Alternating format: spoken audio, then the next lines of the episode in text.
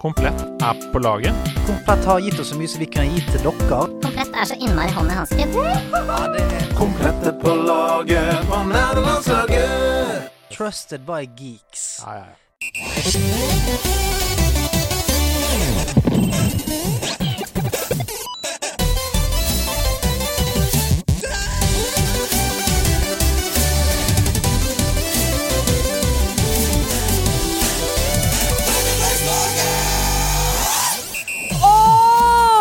Dra krakken bortåt glasset, så setter vi oss og lytter på podkast. Det er nemlig desember, og da hører faktisk denne regla hjemme. Jeg er ikke Sebastian, men jeg er Ida Dorthea Horpstad. Velkommen til nerdelandslaget. Men jeg er heldigvis ikke alene, fordi ved min side sitter han. Han nesten eh, hopper i stolen av glede. Han kommer fersk fra himmelen skjenket til oss. Fra Gud som menneskets gave. Hans navn er Ase Hope. Mai, mai, Andreas Hedemann er en norsk programleder og TV-personlighet som er ansatt i NRK.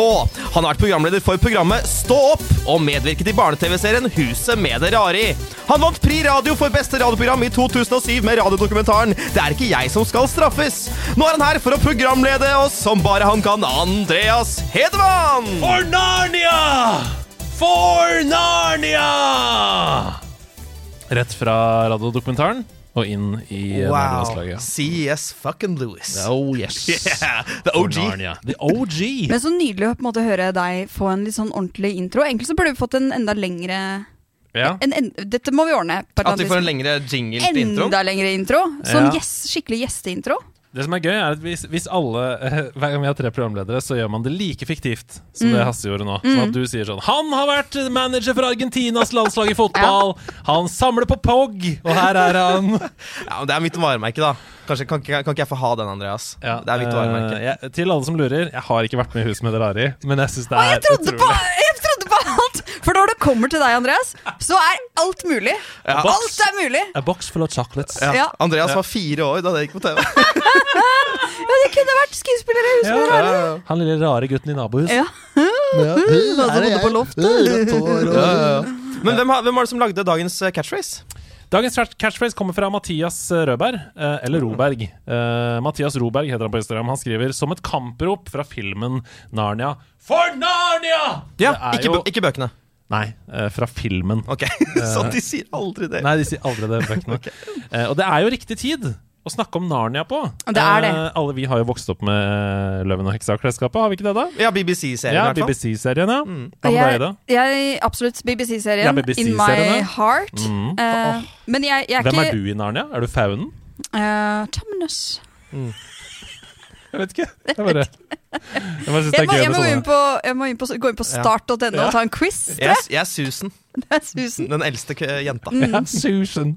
Susan. Ja, nei, men Det er jo en julete Altså i hvert fall den første filmen, eh, heks, 'Løven, heksen og klesskapet', Ja har veldig sånn julevibber over seg, så jeg skjønner godt at den catchfacen kom nå. Ja, det gjorde den. Hvordan har dere det, mine favorittmennesker? Jo, jeg har det veldig, veldig bra.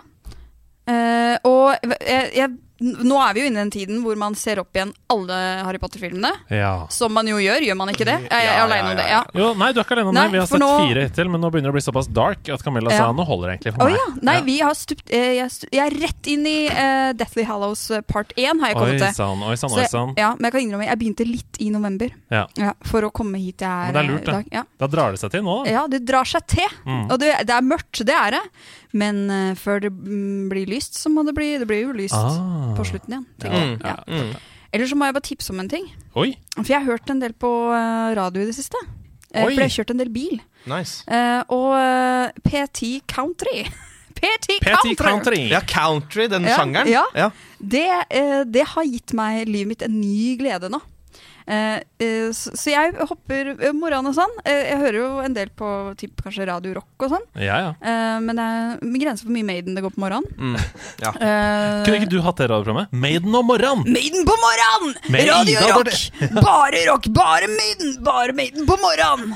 Er klokka over natta? Nei, det er Maiden! Maiden Run to the hills! Jeg, jeg kjøper det. Jeg Ja. kjøper det, jeg. Ja.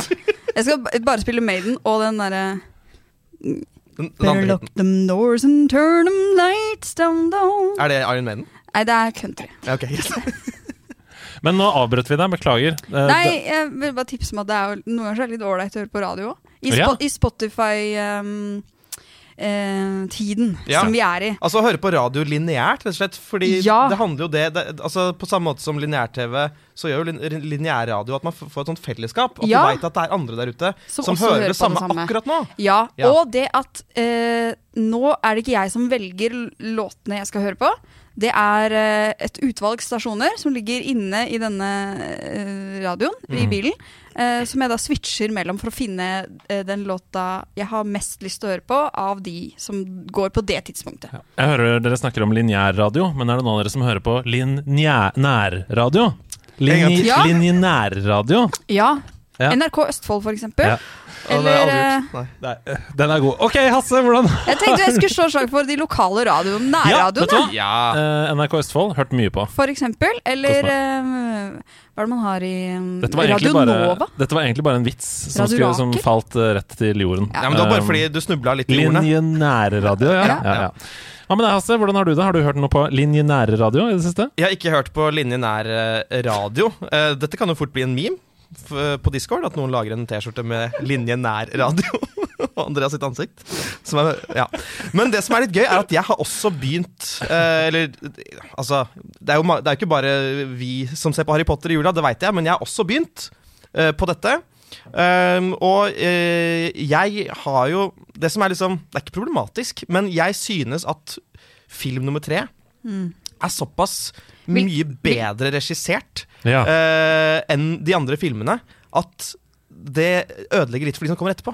Hvilke, hvilket er det? Det er eh, The Prisoner of Azkaban. Oh, den er god! Den er Den er kjempegod, fordi De to første filmene ble jo regissert av Christopher Columbus, han som lagde Alene hjemme-filmen osv., Mm. som er en helt grei regissør.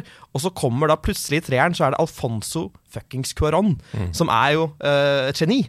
Han er eh, en autør, og Mm. du merker det på, på hele filmen da at eh, dette er, eh, dette er håndverk. Jeg er helt enig, og det er jo også sånn at uh, de to første er i mye større grad barnefilmer. Uh, veldig safe. Det er ikke noen pigger ute i det hele tatt i de filmene, mens det er mye mer motstand i film nummer tre med en gang. Jeg er helt enig med deg at det, den filmen ødelegger Altså, jeg har veldig lyst når jeg ser i starten, så er det nostalgien som driver meg, men det er bare for å komme meg videre. Kom igjen, da. Nå må vi komme oss til nummer tre her. Ja. Men er ikke det greit? Ja, og resten av filmene er gode, de også. Jeg bare synes Det er veldig Det er gøy å se at den skiller seg så mye fra de andre. da Men det er spørsmål. Eh, kommer dere til å følge opp da? For jeg regner med man må prøve å bli ferdig med Harry Potter før jul. Mm. Kommer dere til å følge opp i romjula for eksempel, for eksempel med Fantastic eh, Beasts? Nei, på Nei, ingen måte. nei, For meg blir det som å se Hobbiten etter å ha sett Ringenes herre. Mm. Det er, det er, Der det kan jeg være egentlig! Det, den er jeg god da, ja, da er jeg på andre siden av bordet. Jeg kan Ja. godt, eh, jeg kan godt uh, følge opp med Hobbiten. Men det er fordi at jeg vil ha mer. Det skjønner Ja. jeg godt. Jeg, Jeg vil ha det. mer! Du er ikke mett på denne fantasy-verdenen. Det er ikke i det hele tatt. Til John Ronald Rule Tolkien, som han heter.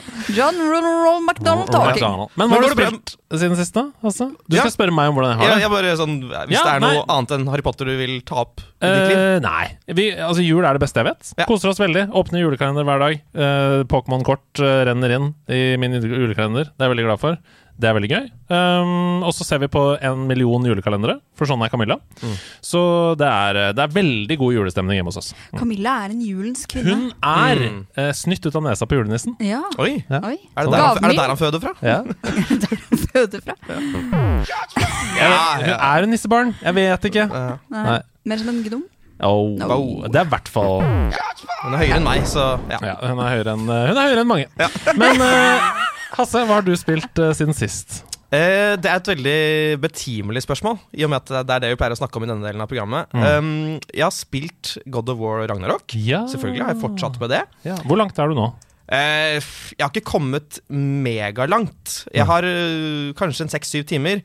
Ehm, fordi jeg har, jeg har litt lyst til å porsjonere det litt mer ut enn øh, jeg spilte da gjennom hele det forrige spillet liksom, i løpet av tre dager. Og jeg har litt lyst til å porsjonere det, for jeg syns det er så fantastisk. Eh, og så skal jeg selvfølgelig rekke å, spille det til vi eh, lager våre topplister. Eh, og så har jeg da prøvd også å spille litt mindre spill for å fylle inn the cracks. Eh, til, til topplisten. Har begynt å Ja. spille et spill som heter The Excavation of Hobbs Barrow.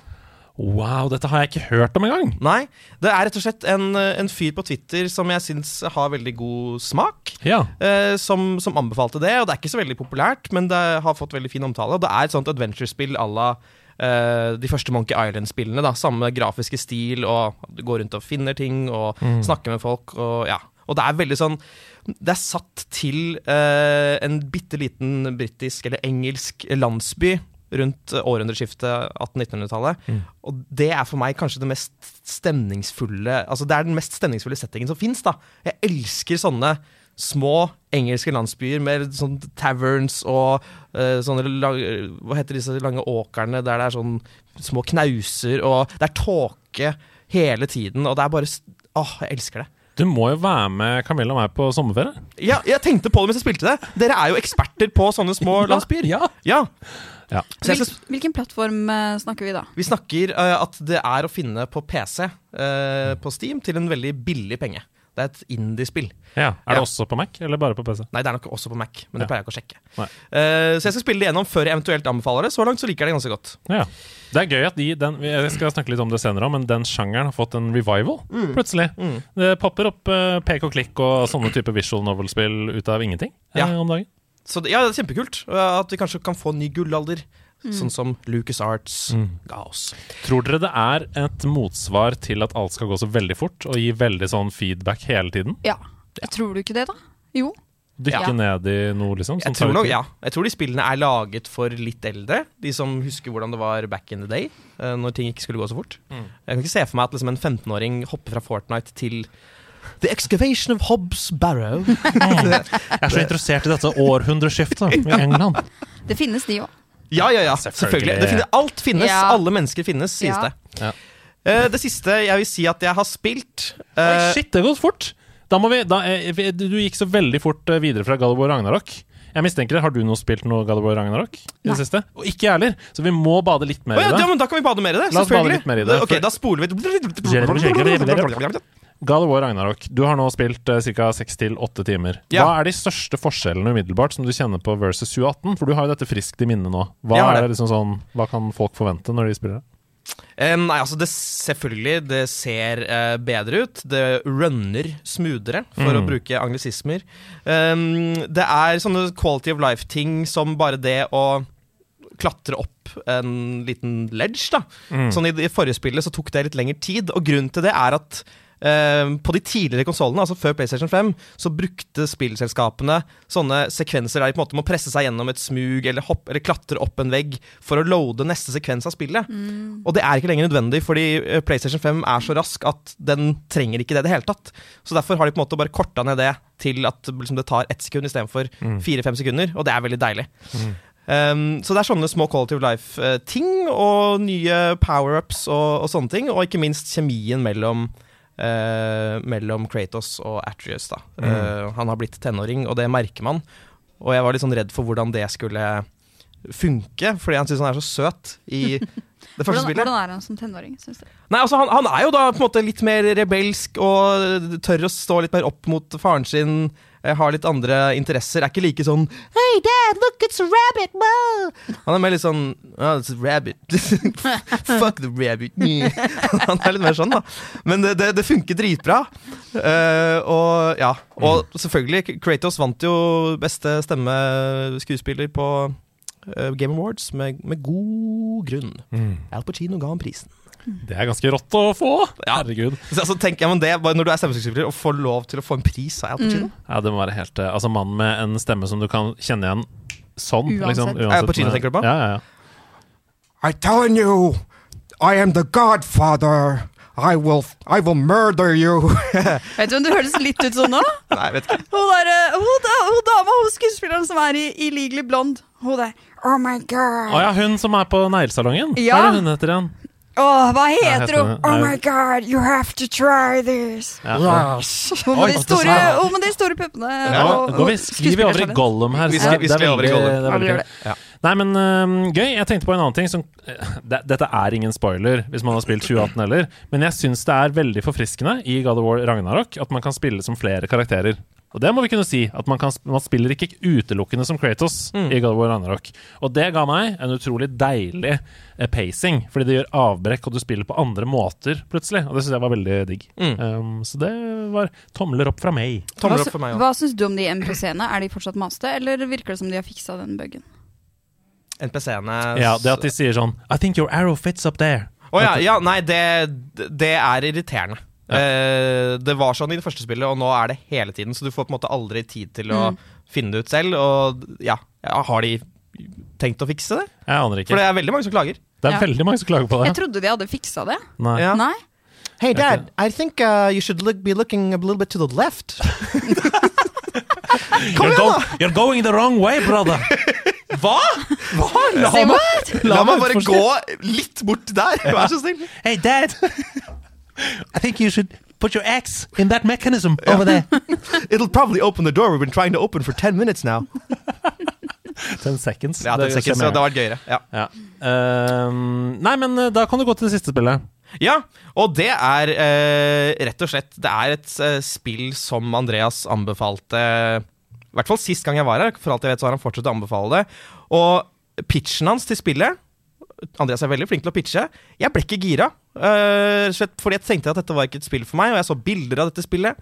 Syns ikke det så noe gøy ut. Det er rett og slett Vampire Survivors. Um, og så sa Andreas at, uh, at Stian hadde gitt et forsøk og bare blitt hekta på, uh, på ti sekunder. Så jeg måtte jo prøve det. Og de første ti minuttene møkk. Det er dritt, liksom. Det ser piss ut. Og det er bare sånn Det er som å spille en sånn arcade-maskin som står på Peppers Pizza i 1992. Det var sånn utrolig dølt spill. Og så plutselig så bare får du noen power-ups, og så er det bare sånn Å, herregud! For en makt jeg har! Dette er det gøyeste spillet noensinne! Det er helt fantastisk! Alt klikker på plass. Alt Og, eh, klikker på plass. Og ja, rett og slett, som Andreas har forklart før, det er et slags omvendt uh, turret defense-spill, der du på en måte er turretet, går rundt og, og, og dreper uh, monstre. Og får bare Du får så insane power-ups. Uh, det er bare en fantastisk opplevelse. Og jeg har hørt at mange som har omtalt det spillet, har kall- altså liksom sagt at det er veldig sånn Ja, det er sånn hjernedødt popkornspill. Det er ikke noe dypt. Kødder du, eller? Det er kjempedypt! Det er så dypt, det spillet her! Det er det. Ja. Det er masse, masse masse innhold. Det er masse måter å kombinere de forskjellige våpnene på som gir deg andre typer våpen. Det er masse våpen som er skjult bak hemmelige quests. Det er masse hemmelige levels som du ikke vet at du kan åpne uten at du bruker én spesifikk karakter til å gjøre én spesifikk ting, f.eks. Det, er- det er utrolig mye innhold, og det kommer Det har nettopp kommet ny delelse, har det ikke det? Eller kommer om I disse dager, i Ja. dag eller i morgen. i dag eller i morgen. Det Ja. er masse nytt innhold igjen. Mm. Så det er bare Ja, det er en gavepakke av et spill, rett og slett. Ja, Og nå er Sebastian helt avhengig av. Ja, han er det. Og så, så virkelig, folkens. Eh, hvis dere har GamePass, bare sett av Det holder med et kvarter 20 minutter for å bli hekta. Dere kommer til å bli det. Stol på oss. Vampire Survivors. Da er det vel bare du som ikke har uh, Og jeg har jo alle planer om at jeg skal det. Mm. Uh, det skal skje Jeg tenkte, jeg tenkte søndag. Ja. Tenkte jeg. At det er en fin søndagsaktivitet. ja. Nei, men det er en veldig sånn Mm. uh, fin å bare plukke opp og spille en runde eller to. Fordi man blir sliten også. Ja, men jeg veit jo at jeg blir hekta. Jeg Ja. vet jo at jeg blir hekta. Det er det at jeg har liksom tenkt at ok, jeg må gjøre det og det og det først. Mm. Mm. Så Ja, altså Jeg vil ikke anbefale for hvis du vet at du skal tidlig opp, du har et viktig møte, du Mm. skal levere et eller annet viktig på jobb. Altså, Ikke begynn da, mm. Fordi da blir du sittende til klokka fire-fem på natta. Ja. jeg gleder meg. Mm. det er veldig spennende. Nei, men så fin runde, da. Tusen takk. Jeg er veldig fornøyd selv. Um, Hva med deg, Dorthea Horpes, da? Jo, eh, jeg har jo hatt Jeg har hatt veldig mye å gjøre nå i det siste. Ja. Fordi jeg er Tenk, nå er jeg Jeg skal være lærer i én uke til. Er, uh, eh, så jeg har eh, Jeg må liksom rappe opp hele karrieren. ja. Levere fra meg arbeidet før jeg stikker av gårde. Er det ikke vemodig òg? Ja, men det er um, nå, nå skal det skje så mye store endringer i livet mitt at jeg bare Jeg bare Ja! Kjør på! Go! Det er liksom bare en liten ting. Ja. Jeg skal jo flytte og alt mulig. Nei, det er kjempespennende. Men jeg har fått tid til å spille litt allikevel. Ja. Um, og ehm, Jeg har jo spilt, uh, lagt ned ganske mange timer i Sonic Frontiers, Mm. som jeg anmeldte til forrige episode. Eh, det Jeg vet ikke om vi skal snakke så mye mer om, uh, om det. ja. Nei, jeg synes det var en fin anmeldelse. Det som er interessant, er at folk er veldig splitta på det. Eh, de som er sånn hardcore Sonic-fans, er nok veldig glad for denne endringen i Sonic Frontiers som, og, og Open World og sånn. Og så er det de som bare generelt spiller mye spill, som sammenligner det med andre Open World-spill. Og sier sånn Hva slags Open World er dette, da, folkens? Ja, for det oppleves veldig tomt. Ja. Mm. Eh, eh, rett og slett. Og Nei, så for min del så var det en sånn eh, De første timene elska jeg det. Jeg bare klarte ikke legge det fra meg. Jeg syntes det var så gøy. Men så bare eh, ble jeg så lei. Og, da, og når du først har blitt lei, så har du blitt lei, på en måte. Ja. Um, I hvert fall når det ikke er noen fornyelse i mekanismene. For jeg syns ikke det blir rettferdig at man skal liksom At Sonic-spill skal kun kunne sammenlignes med Sonic-spill. De er jo ikke et vakuum. De skal Nei, jo nei. bli sammenlignet med alle andre spill òg. Så det at det da er et, et univers som føles tomt, det må jo tas hensyn til. Ja. Det er, Eh, det er litt sånn som Jeg så en kommentar forrige dagen i, Jeg tror det var i Game Informer eller noe sånt, som skrev sånn eh, Ingen andre spillserier i verden hadde kommet unna eh, med denne launchen som det Pokémon har gjort med Mm. Scarlett og Violet.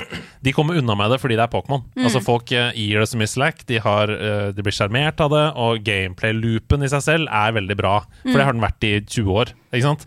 Så det er litt sånn med Sonic òg, da. Ikke sant? Man, man får en del gratis um, fordi Sonic-karakteren er så bra, osv. Mm. Men åssen føles gameplay, altså movement og sånn? Det er noen som har kritisert at det er litt clunky og sånn, men Ja, og så er det mm, Ja, altså bossfightene.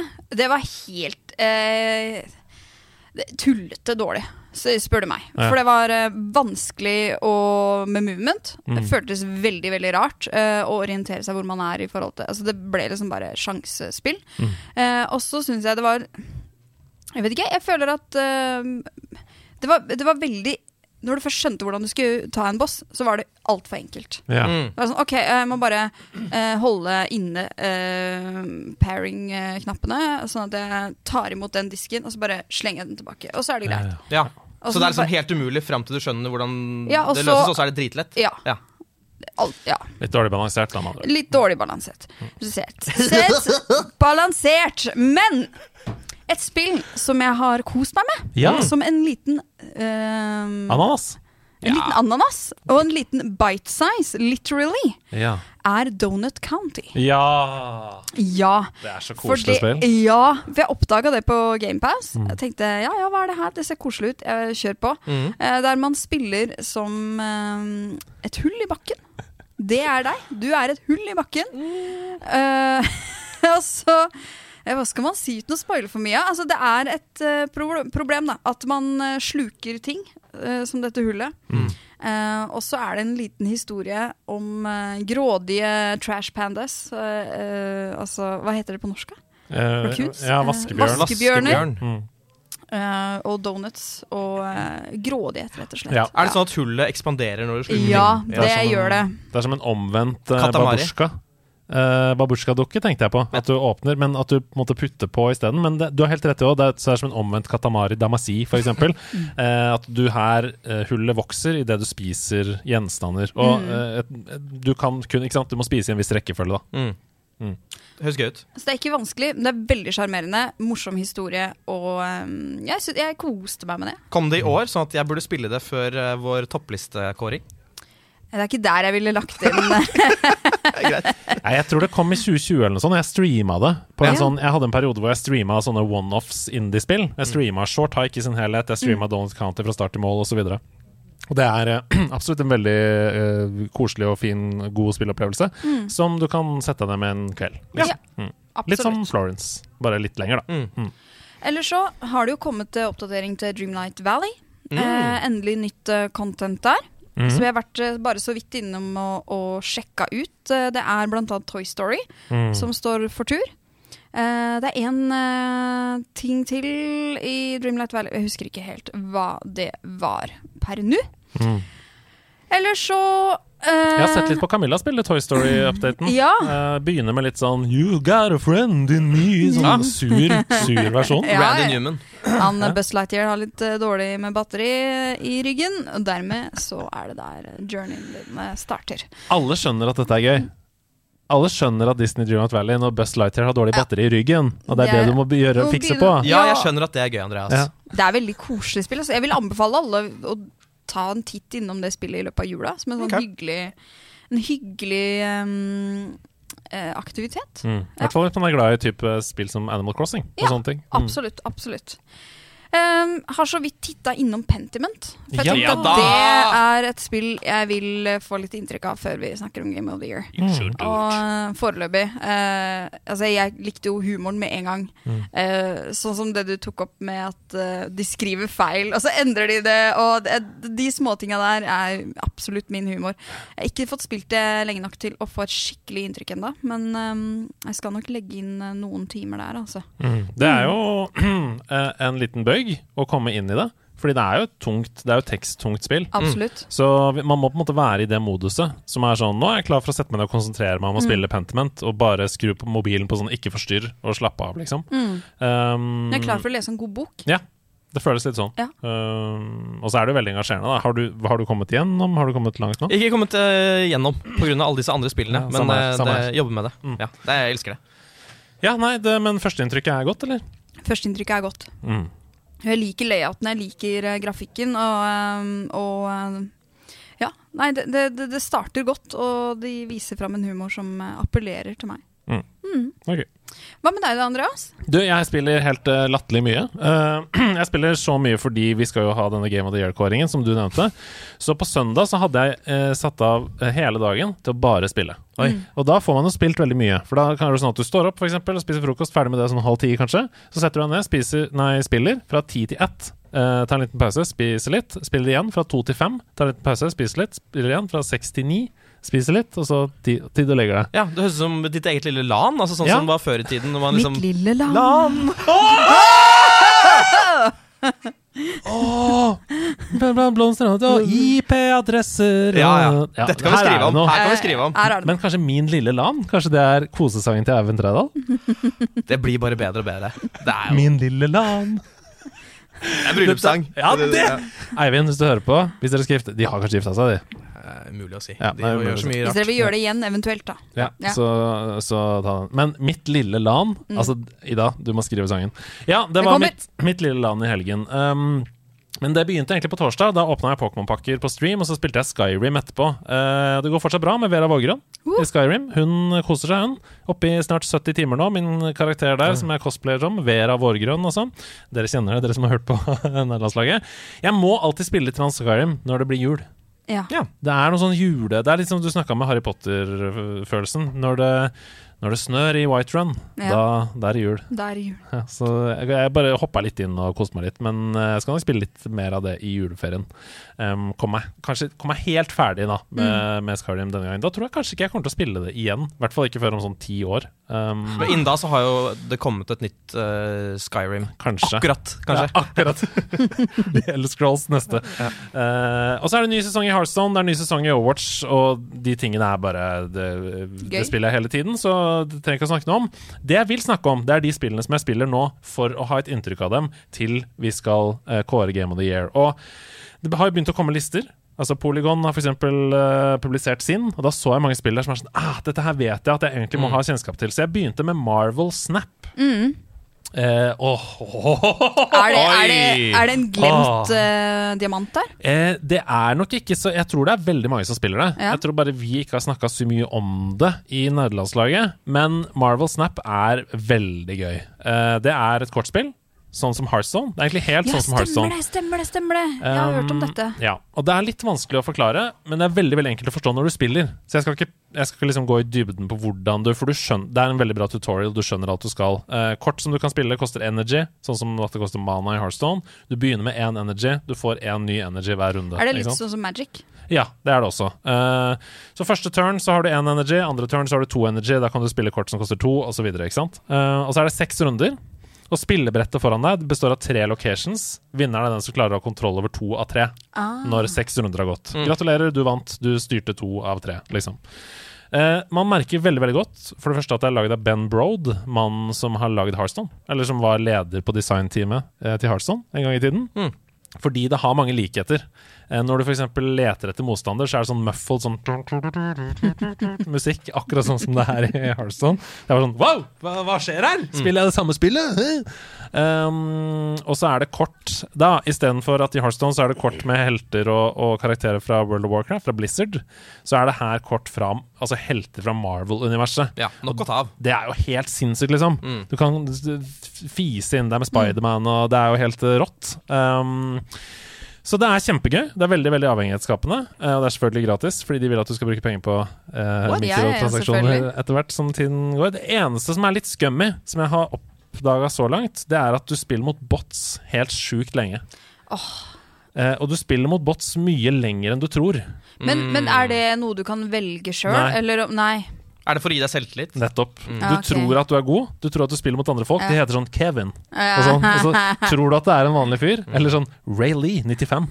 Det er sånn, Hæ, det er en bot som heter Ray Lee 95? Ja, Som var en Grand Prix-artist Ja. eh, i Norge for to år siden. Ja. Eh, så spillet som du er inne på, vil ha deg til å tro at du er god, ikke sant? Um, det har blitt bedre nå, siden det ble lansert, men folk på internett mener at majoriteten av kampene er bots helt opp til level 30. Oi, Det er lenge, altså. det er lenge. Jeg spilte tre timer eller noe sånt, kom til level 20. Kan man velge å spille med venner? Eh, nei, det kan man heller ikke. Nei, det kan man heller ikke. Det, det sier de at skal komme, men det har ikke kommet ennå. Um, så det har jeg spilt en del på PC. Jeg tror jeg har et godt inntrykk nå, nok til å kunne si eh, om jeg kan plassere det på min topp fem eller ikke. Det neste jeg har spilt, det er et spill som heter Norco. N-O-R-C-O. Ja, da. ja, Har du spilt det? Nei, nei, Nei? men det er, det er på min liste. Ja. Det er veldig mange som eh, har det inne på sin, uh, sin topplister. Mm. Nei, Norco, det er jo Altså, jeg elsker jo generelt at sånne døde sjangere, som vi snakka om i stad, uh, som CRPG, altså Computer Role-Playing Games, uh, og PK-Click klikk, da, har fått en delvis revival. I 2022 spesielt, med spill som Citizen Sleeper eh, og ikke minst Return to Monkey Island.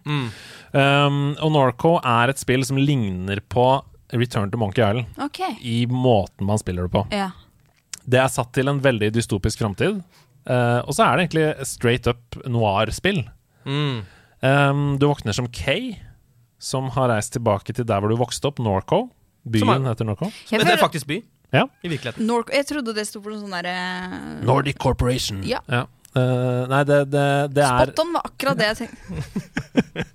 Nei, det er en by. Eh, det er, dette, dette stedet er ikke basert på den byen. Um, for Norco er på en måte en industriby i dette sammenhengen. Men det er helt riktig at det er en by i USA som heter det.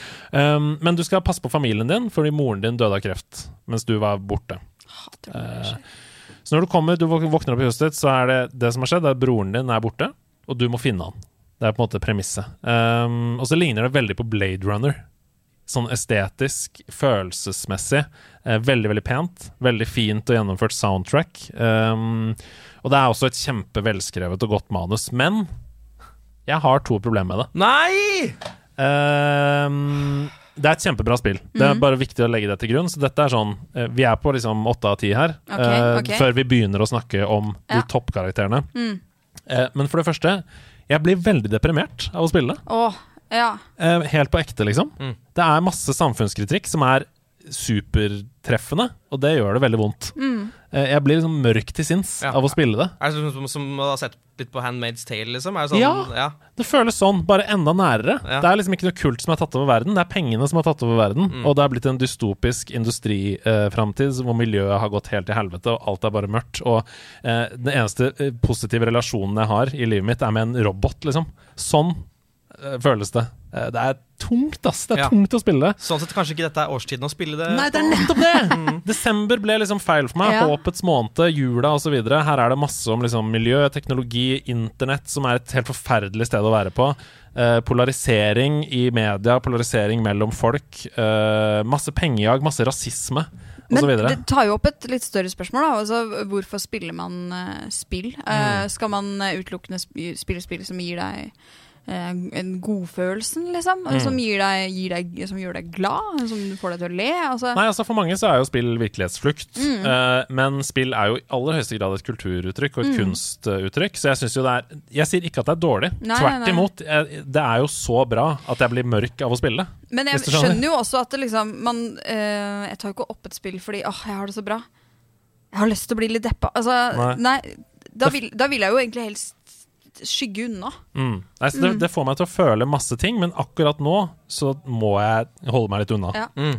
Jeg tenker at uh, jeg, kan heller ta, jeg kan heller være i et modus hvor jeg kan ta inn disse tingene på nyåret. Når det blir litt lysere og til våren og et eller annet sånt. Jeg bare kjente at jeg trengte ikke den uh, ja, veldig darkness-greia nå. Uh. Fordi det, var så, det er så lite håp i det spillet. Det er ikke noe håp, liksom. Alle bare går rundt og er sånn Ja ja, de sa det til oss. Nå er vi her. He-he. Ja. Jeg drikker meg full for å døyve følelsene mine. Sånn er det hele tiden. Uh, det andre problemet jeg har med det, er at det ikke er noe særlig gameplay i det. Uh, jeg er veldig glad i tekst generelt i spill, det vet vi jo, Disco Elysium osv., men jeg trenger mer som skjer utover teksten. Et skill-tre hvor jeg kan investere poeng i, som gjør meg uh, F.eks. når jeg skal ta et valg, da, så er det større sjanse for at jeg klarer det fordi jeg har investert i physics, for, ikke sant? sånne ting. da Her er det bare tekst, nesten. Da er ikke dette et spill for meg, altså. Nei, jeg, jeg savner liksom gameplay-loopen i, i Citizen Sleeper, for eksempel, som var kaste terninger. Du har litt eh, chance der, du, skal, uh, du må gjøre forskjellige quests og sånn. Dette er et noir-spill som er tungt og mørkt og velskrevet og veldig bra, men det er uh, først og fremst Men- en visual novel, kanskje. Er det noen grunn til å, at dette er et spill og ikke en bok, tenker du? Ja, jeg tror ikke det hadde truffet så hardt. Nei. Hvis ikke det hadde vært et spill. Eh, så jeg mener jo absolutt at det er riktig med det. Det bare er uh, litt for mørkt for meg akkurat nå. Mm. Helt innafor. Det siste Du er har det mange rundt deg som eh, er glad i deg, som ser deg. Ja, ja, ja, ja, ja. det er ikke, Jeg skjønner ikke hvorfor jeg sa det siste, for det er ikke det siste heller. Men det neste jeg har spilt, det er det helt motsatte. Det heter Neon White. What? Neon Neon White? Neon What? Ja, ja, ja, ja. Neon White. Uh, Neon White er um, laget av de samme folka som lagde Solar Ash, som jeg anmeldte i januar, eh, og som jeg elska. Eh, og det er altså som om Gravity Rush-spillet, eh, Mirror's Edge og det nydelig karikerte anime-spillet Catherine fikk et barn. Jeg snakka litt om Catherine i min sidequest om spill du ikke må gå glipp av. Og det er fordi det er litt sånn uh, glemt, det spillet. Det kom, jeg spilte det på PlayStation 3 da det kom. Og det er veldig sånn Når uh, hovedpersonen oppdager noe uh, rart, så gjør han sånn her What?! Og så får du sånn med svære fjes og sånn. Veldig sånn manga-aktig, da. Um, og Neon White er helt konge. Det er virkelig helt utrolig konge. Gøy, gøy, gøy, gøy. Det er gøy-gøy. Det er heia gøy-gøy. Oi! Er det heia Til og med gøy-gøy? heia gøy Det gøy. er heia gøy-gøy er Neon White. Men er det For når jeg ser på, når jeg ser på coveret her, da, Ja. så ser det, det gir meg en litt sånn Suicide Squad-feeling. Ja, ja, ja. ja. Det, mm, absolutt. Og det er veldig sånn anime, ikke sant, den greia. Men jeg spiller altså på Switch med pro controller. Heter det anime eller anime eller Det tror jeg er veldig opp til hver og en. Du bestemmer. Rad Crew hadde mange år en spalte, spalte som het Er det anime? Det er derfor jeg har fått det derfra. Ja. Uh, uh, hvor, de av, hvor de leste opp titler og sånn. Er dette anime, eller er det ekte? ja. Anyways um, Hva går det ut på, Neon White? Det er igjen litt vanskelig å forklare. Litt sånn som med Marvel Snap, men jeg skal prøve. Eh, nå, nå skjønner dere også sikkert hvorfor jeg syns det er bra, for det handler om flyt. Det handler om flow. Det handler om å finne en sånn god flow. Eh, hver bane som du starter, handler om å løpe fra start til mål. Eh, og så skal du komme deg rundt hindringer på veien. Sånn som i Mirror's Edge, da, som er jo et parkourspill. Ikke sant? Så her skal du eh, løpe. Det går fort. Og så skal du skyte og hoppe på demoner og sånn for å drepe dem underveis. Og når du, når du dreper dem, så får du kort som på en måte gir deg ulike abilities som du aktiverer underveis mens du løper og hopper. Så eksempel kan du dashe plutselig fordi du har drept en fiende som gir deg en dash ability. Ikke sant? Du kan kaste en bombe som gjør at du sprenger opp en dør, så du kan hoppe inn der. Og alt handler om å finne sånn koreografi. Nå skal jeg løpe og hoppe, skyte, bombe opp døra og komme inn der, og så komme til, kom jeg til mål, og ching! Diamant! Du greide det feilfritt. Du greide banen feilfritt fordi du greide det under 20 sekunder. Neste bane. Nå skal du hoppe, og nå er det en heis, og der kommer vann og is og Hei! ikke sant? Sånn er det veldig. Uh, og det elsker jo jeg. Ja. Fordi det er som å lære seg en sang. Sånn føles det. Ja. Du, du begynner å spille en bane, og så dauer du selvfølgelig, for du kan jo ikke banen. Du må jo klare Ja, ja, under en viss Og så, oh, ja, ok, så han må jeg skyte sånn, og så, så prøver du det, kommer litt videre, ok, så dauer du der. Ja, for det er en Du foss må som du være må skli opp. tålmodig, da. Ja, men det er så gøy! Okay. Gameplay er så gøy at det gjør ikke noe å dø. Og derfor så følte jeg sånn Dette er Mario. Dette er Super Mario Bros. Det Ah. første spillet. Ja, ja, ja. Uh, jeg tror ikke dette spillet hadde eksistert uten Mario. For det er jo det samme. Altså, Vi elska å spille Mario fordi gameplay var så gøy, men vi døde jo hele tiden. Og så kom Ja, nå er det det hullet som jeg døde i stad. Da hopper jeg over det denne gangen. Ja, og så ser du speedrunner spille det, og så ser du den flowen man kan ha Ja! i spillet. Hvor vakkert det kan være. Hvor de treffer på hver eneste piksel og sånn. Og det er sånn Neon White er! Når du treffer på hver eneste Er det, piksel. er det vanskelig å komme seg opp på det nivået hvor du kan få en grei flow? Jeg syns det er en veldig god uh, vanskelighetsstigning. Okay, okay. Det begynner kjempelett, Eh, men det er klart, det er mye å holde styr på. Mm. Uh, jeg, jeg la det vekk, liksom. Jeg spilte det i to timer. La det vekk i sånn fire dager, og tok det opp igjen. Og da var det sånn wow! Jeg husker okay, ingenting. ja. Eh, hvordan var det her igjen? Jeg må trykke eh, L1, L2, R2 R, Ikke sant? Så, eh, men så kom jeg inn i det, da. Ja. Um, Er det som å sykle? Litt? Ja da. Det, Ja, da, la oss si det. nei, nei, det er, det er Viser um, seg Andreas Hedman lærte aldri å sykle. Tar, jeg tar ikke referansen. Og på spørsmålet Spørsmålet er det som å sykle? Eh, ja, det er som å sykle. Ja. Han later nå som at han kan sykle. Vi spør han er du god til å sykle. ja. Nei, uh, jeg er Ja, god til å sykle. nei, sier han. Jeg er prøver å skjule men, men det er nok det er som du, det er For å ta spørsmålet ditt på alvor. Mm. Ja, det er vanskelig etter hvert, men jeg tror alle kan komme seg dit. Og så er det sånn at du må jo ikke ha diamant eller gull på alle banene. Du må jo bare complete en Ja, bane. ja. Uh, så hvis du ikke er den personen som liker å grinde ut den øverste medaljen, sånn som tre stjerner i Angry Birds på alle baner, så kan du bare gå videre. Mm. Ja. Ikke sant? Eh, men jeg liker det, da. Ja. Jeg liker å spille om igjen helt til jeg har. Så liker man flow, da er dette spillet for dough. Flow. Liker man flow? Liker man flow? Så er det spillet for deg! Flow. Ho! Ja. Ho, ho, ho. Nå er det jul. Nå er det jul. Ja, nei, for det er jo litt sånn altså, Det er jo ikke alle spill som eh, bruker flow, altså sånn for eksempel Elden Ring. Det er ikke sånn Nei, nei. Du, kan, du kan komme in the zone, at du føler at du, du mestrer det, og det kommer nye fiender, og du klarer det med en gang. Men det er ikke, altså, det er ikke en sånn flow-følelse. Fordi det, det stopper opp, du slåss, du går videre. Mm. Men så har du sånne type spill, da, der det på en måte er en slags sånn Mm. Det? Jeg vet ikke, flow? Ja, ja, kanskje flow. Eller sånn, noen sånne regler for universet. Det er litt som å spille gitar. Det er sånn, Hjernen din, altså fingrene dine, bare gjør det. Hjernen din er langt fremme, liksom. Mm. Eh, og sånn her er det da. Når, når det sitter, så er du allerede på en måte tre trinn foran der hvor du er. Mm. Eh, og, og på den måten så kan man sammenligne det litt med bosser i Elden Ring. Fordi da må du lære deg angrepsmønsteret Mm. til bossen, og så se, du ser tells, ikke sant? Ja, nå kommer han eller henne til å gjøre det. Da gjør jeg dette. Ja. Og det sitter jo også bare i fingrene. Jeg trekker tilbake det jeg sa om at ikke Elden Ring har flow.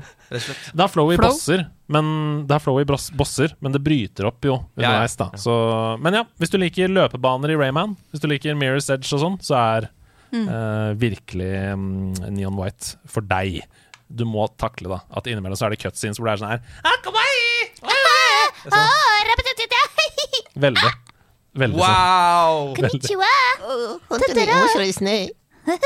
Det høres ut som dere spiller en scene fra Neon White. Ja, kanskje. Ja, ja. Det er faktisk vi som er stemmeskuespillerne i Neon White. Norske versjonen. Ja.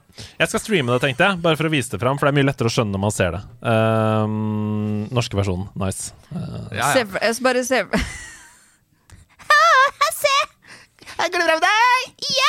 Nei takk. nei takk Eh, Til sist så har jeg spilt uh, de nye banene i Mario Kart 8. Eh, det er to nye cuper i Mario Kart 8 som har kommet. Det er tredje gang det kommer nye baner i år. Eh, åtte nye baner. Rock Cup og Moon Cup. Jeg tenkte bare på pupper og bh, jeg nå. Rock Cup og moon cup! Å ja, cup, ja. Ja. Du tenkte på D-cup og C-cup og sånn? ja, jeg tenkte ja. på det. Ja. Hørt om det? Tenker mye på pupper. Tæteskjær. Ja. Tatskjær? Jeg er jente, så jeg kan få det. Vet ikke, er det greit å ja. Ja. Nei, men de nye banene er dritbra. Mm. De er virkelig dritbra. Og hva kan man si, da? Det er Mario Kart-kvalitet. Altså, det er kjempegøy å starte en bane i Mario Kart, nesten uansett hvilken bane det er.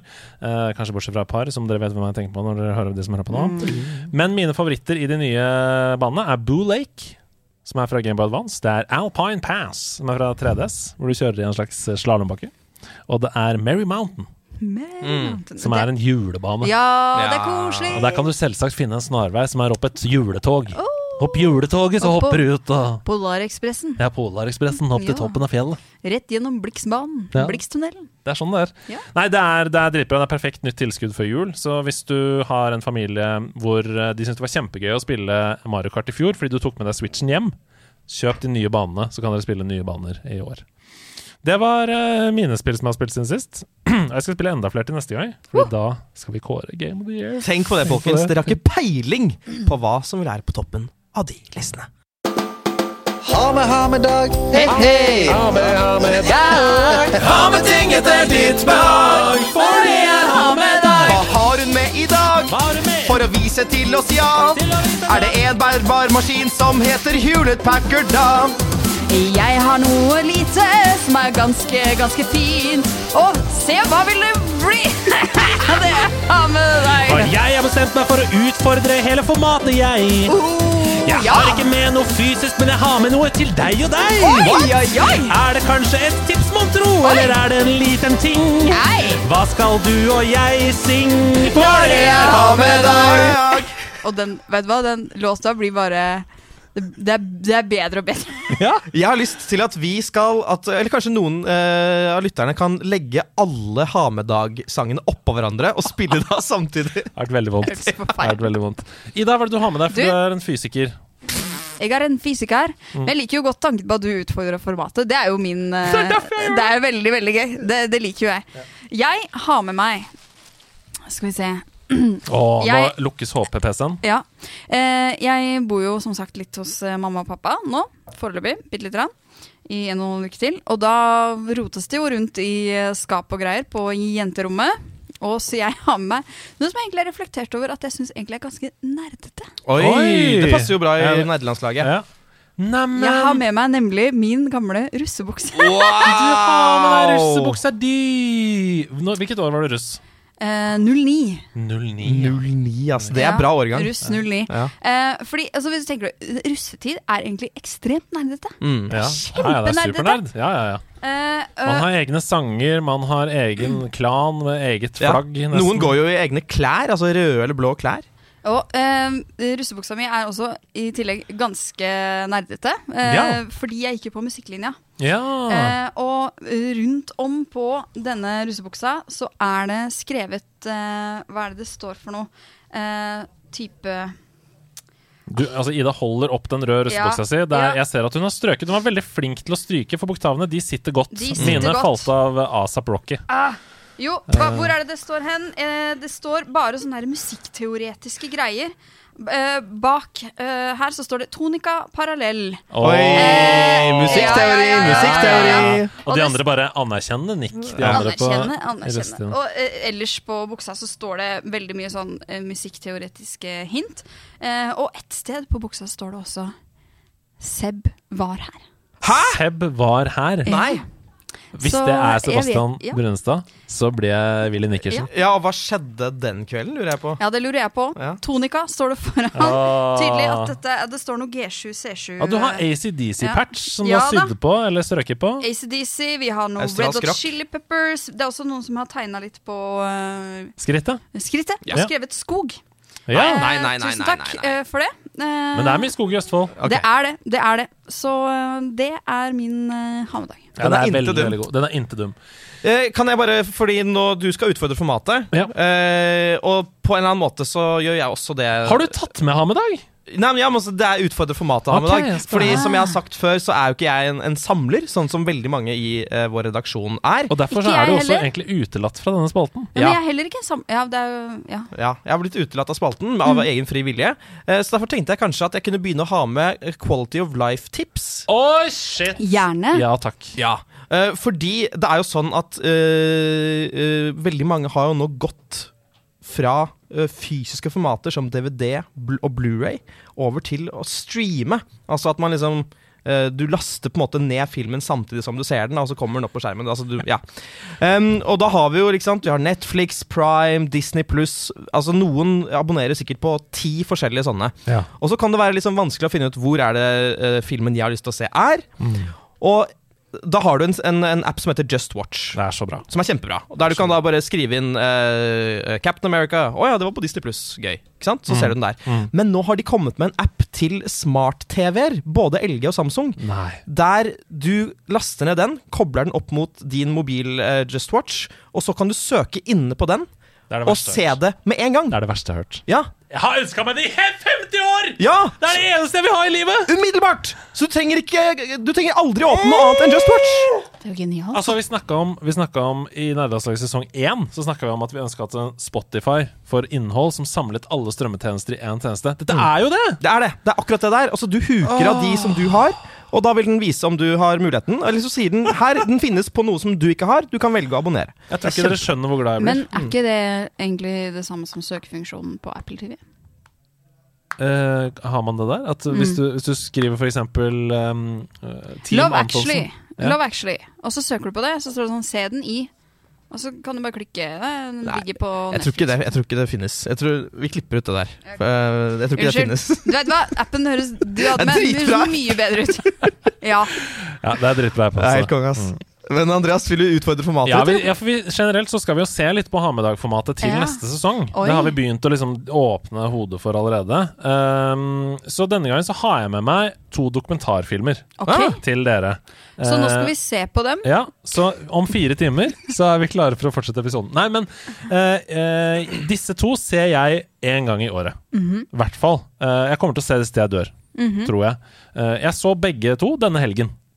Etter at eh, Camilla har gått og lagt seg, f.eks. Jeg sitter oppe, og så satte jeg på én, og så, så, jeg, så klarte jeg ikke å slutte å så på, så er den ferdig. Og det samme skjedde på søndag. Um, Først og fremst så må jeg bare si at du trenger ikke å like noen av disse artistene eller musikken deres for å se like dokumentarene. For de er veldig veldig bra i seg selv. Og den første har jeg nok snakka litt om i nærmest før. Det er Lemmy. Um, Som er dokumentaren om um, vokalisten i Motred, mm. som heter Lemmy Killmister. Mm. Uh, om hans virke. Liv og virke. Fascinerende fyr. Fascinerende fyr. Glad i whisky. Ja. Ja, glad i det sterke. Er glad i det leveren. sterke. Uh, ut, helt utrolig at han ble over 70 år. Men det ble han. Uh, i, I introsekvensen av filmen så er det noe sånn If there's a nuclear bomb hitting this planet, there's only two things that will survive. Cockroaches and fucking lemmy! er det en fan som sier. Og det er veldig, veldig Det er så spot on. Ja, det er veldig sant. Ja. Um, det er så mange øyeblikk i den dokumentaren som er helt sinnssykt at de har greid å fange på film. Men er det der han uh, møter Han har fått et forhold til sønnen sin? Ja. Ja. Åh, Altså, den er er bra. det er en scene der hvor han sitter sammen med sønnen sin uh, og snakker om Og så si, spør regissøren, da, som er bak kamera, spør sånn Hva er det mest Fordi leiligheten hans er helt sinnssyk. Du har all mulig memorabilia fra alt mulig i verden. Han har sverd som er fra liksom bunkersen til Hitler og sånn. Helt sånne sjuke ting. Og så spør regissøren sånn Hva er det mest verdifulle du har i denne leiligheten? Og så sier han sønnen min. Og så panner kameraet bort, og så sitter han ved siden av. Og sønnen blir bare helt sånn Hæ? Hæ? Sa du nettopp det, liksom?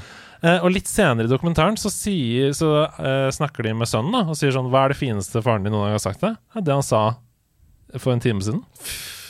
Tenk at de har det på film, Ja. liksom. Det er Det løk, er ass. Det er Ja. løk. Ja, det er så løk, og det er bare så mange sekvenser der hvor du skjønner hvor mye respekt Lemmy har Ja. da, blant sine helt sinnssyke kollegaer, Dave Grohl fra Foo Fighters osv. Um, så, jeg- så se den, og så etter at du har sett den, så søker du opp Dave Grohl sin tale i Lemmys begravelse, eh, som han holder da Lemmy døde da, for noen år siden. Mm. Helt fantastisk. Den andre er dokumentaren Some Kind of Monster. Ja, fy fankeren, altså. Det Sleng meg er heftig! Det Det er er bra shit! Det er også så For noen karakterer! For noen karakterer. Patetisk. Ja, for det er helt, helt forferdelig på en så utrolig spennende Ja, måte. ja. Det er altså Og så Lars Ulrich. Ja, For en fyr! for en fyr. Altså, dette er en dokumentar for de som ikke har sett den, som handler om Metallica sin prosess med å lage Saint Anger-albumet, som tok mange, mange år pga. interne konflikter i bandet, eh, blant annet. Og eh, på denne tiden Vi må bare huske at på denne tiden så var Metallica sannsynligvis verdens største band. Vi må huske det, liksom. Det var helt syke forventninger til det nye albumet deres. Og nok en gang, eh, de beste dokumentarene er de som får et helt rått innblikk i prosesser, som, hvor du får innhold som du aldri hadde trodd. Og det dokumentarteamet her, de ble hyra på for å filme Nå skal Metallica lage nytt album. Og så plutselig så skjønner de sånn helt annet? Ja. de skjønner sånn Vi står i noe helt sinnssykt her. Jeg har ikke lyst til å spoile noe, men eh, James Hetfield spesielt, vokalisten, har en helt bananas karakterutvikling i dokumentaren. Han begynner Dette skjer helt på starten av dokumentaren, så jeg må bare si det. Han begynner altså uh, med at han kommer hjem fra en sånn fyllatur i Sibir, hvor han har vært på jakt og skutt ting eh, og drukket vodka hele tiden. Og så skryter han til de andre i bandet av at han missa ettårsbursdagen til sønnen sin. Det er så Ja. Fordi han prioriterte det, Mm, å være på å skyte og, og drikke isteden. Mm. Eh, klikk til. James Hetfield er på rehab. Ja. Yep. Ja, ja, ja, ja, ja. ja, ja, ja, ja. Det er så sjukt!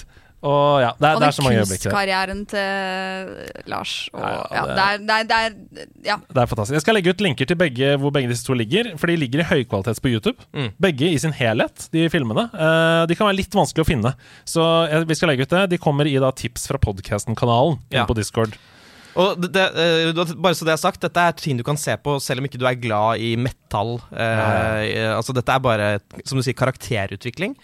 Og eh, jeg må også bare ta et lite sitat fra St. Anger-albumet. Ja. Et av de dårligste Det er en av de dårligste tekstene noensinne, der de sier My lifestyle determines my death style. Det er altså det verste som er skrevet. Og det er så bra, fordi, det er så bra fordi når det oppstår i studio, så er selvfølgelig kamerateamet der og filmer det, og de bare Det er genialt. Det er helt genialt. Det er helt genialt. Nei, det er, det er veldig Men da må jeg spørre dere. For eller mot den uh, skarptromma?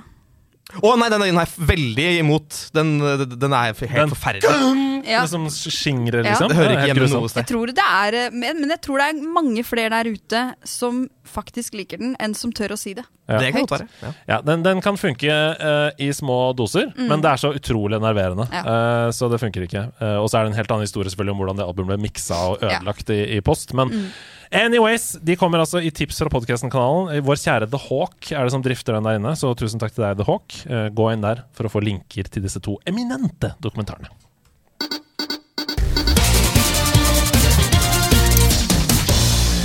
For Narnia! Mitt navn er Andreas Hedemann, og dette her, det er Nerdenytt. Yes, vi skal først til innenriks, vi. Um, og det er sikkert noen som tenker at det er naturlig at vi snakker om at Funcom viste frem eh, Dune på The Game Awards, men det var og dette sto, det var tittelen på videoen de viste fram. Pre-alfa teaser.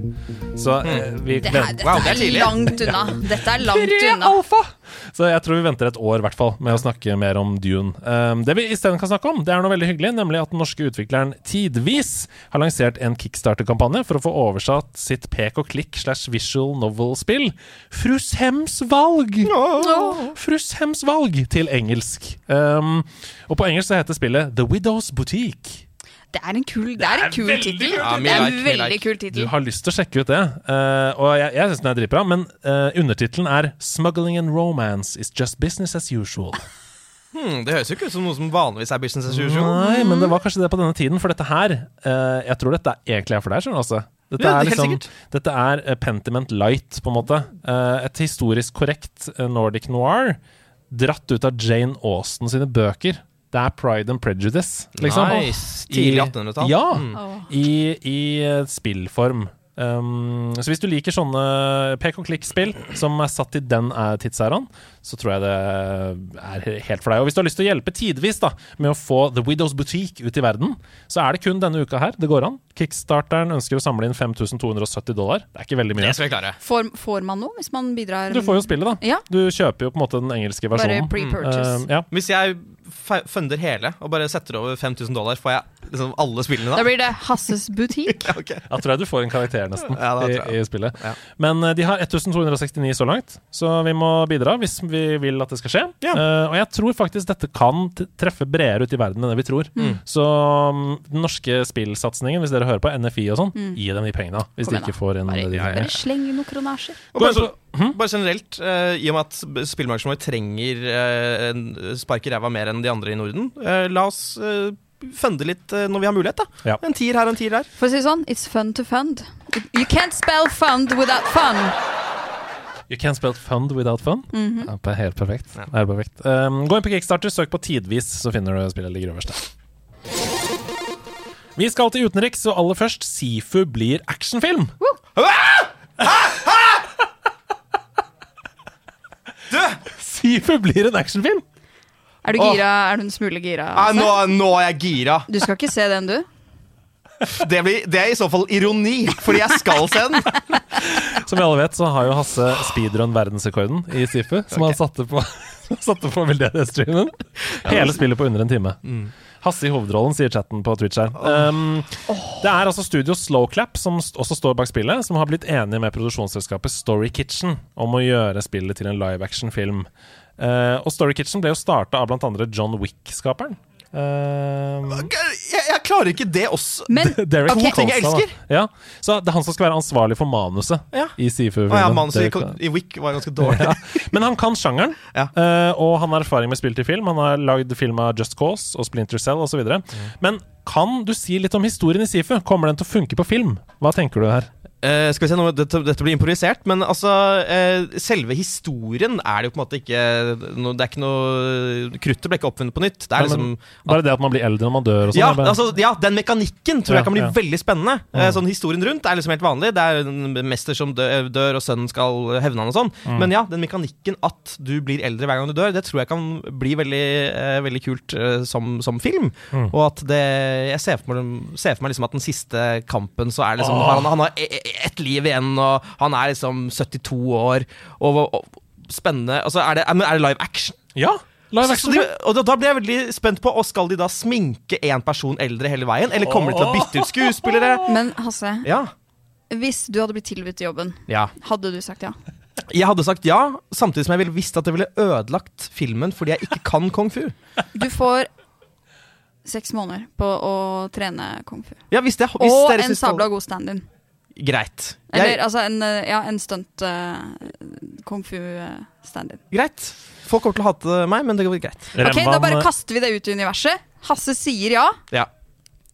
ja. Remvan i chatten her foreslår Chris Pratt i hovedrollen. Uh. Skal jeg dra hjem til deg og gi deg en kilevink, eller? Ok Det har vært eh, The Game Awards. Ja. Denne enorme prisutdelingen hvert år, som også har rom for noen store annonseringer, sånn som E3 har. Og noen høydepunkter derfra. Først og fremst Elden Ring vant jo da Game of the Year. Eh, shocking. Ja, men det var eh, usikkerhet knytta til det. Det er jo tross alt et litt introvert spill. Ikke så tydelig historiefortelling osv.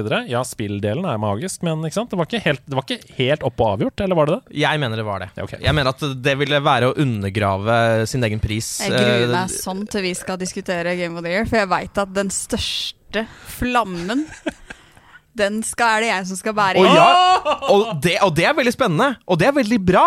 Ja, det er veldig Og jeg mener at det er altså, Det er oppe til diskusjon hva som er årets beste spill, det er Ja. greit, men jeg mener at det som pris Ja, De hadde sånn, ikke tålt det. Nei, at de hadde vært Eh, sånn Ok, da hadde du fått hele verden mot seg, liksom. Ja. At det er en politikk bak det, da, rett og slett. ja, altså jeg mener det er helt rettferdig, men også at liksom Hva er det dere driver med hvis dere ikke gjør det? Altså, ok, ja. ja, jeg hører det hva du sier. er, ja, jeg mener det er helt rettferdig, sier Hasse Hope, som har spilt 180 timer. eh, Det det blir dine ord. That's rookie numbers, Ida. Jeg tror det. Tripler det. Ok, um, men ja, Ellen Ring vant. Fromsoft viste også da fram sitt neste spill, Armored Core 6 Fires of Rubicon. Armored Core-serien Det er jo sånne Mech-fighter-spill som er dratt ut av Pacific Rim, liksom. Den Mm. filmen. Eh, har, har dere sett traileren? Den ser helt sjukt mektig ut, ass. Mm. Altså, det ser ut som fotorealisme. Jeg bare tenker Eh, Det er liksom tidlig å De har nettopp gitt ut et så svært spill. Altså. mm, men det er forskjellige teams Ja. Men er det det. in game engine som Eller er det CGI? Nei, det er CGI, ja. Det er CGI, Men det er jo eh, sabla gjennomarbeida CGI, da. Eh, så vi får jo håpe at det vasker over i spillet. Jeg bare, de, de har ikke fått noen release-dato, så det kan være mange år unna, Mm. åpenbart. Men, men Armored Core-serien har hatt et veldig uh, hype uh, kjernepublikum. Det er derfor det har kommet seks spill, og det har jo tross alt vært størst i Østen. Vi snakket litt om dette i FromSoft Sidequesten, Sebastian og jeg. Det har vært størst i Østen, men nå tar de altså steget inn i Vesten, sånn som de gjorde med Dark Souls, da, Mm. etter Demon Souls. Ja, hva tenker vi? Tenk om de greier å, å, liksom ut, å, å ta det de har lært av Elden Ring, da, og så sette svære Mex inn i en sånn verden? Jeg tenker eh, erfaringen de har fått fra Elden Ring, er ikke det litt eh, det er, De er jo sikkert Det er for seint Mm. å ta med de. Mm. Dette vil jo være mm, De vil være altfor langt framme i, i, eh, i uh, prosessen med utviklinga før, før Elden Ring Mm.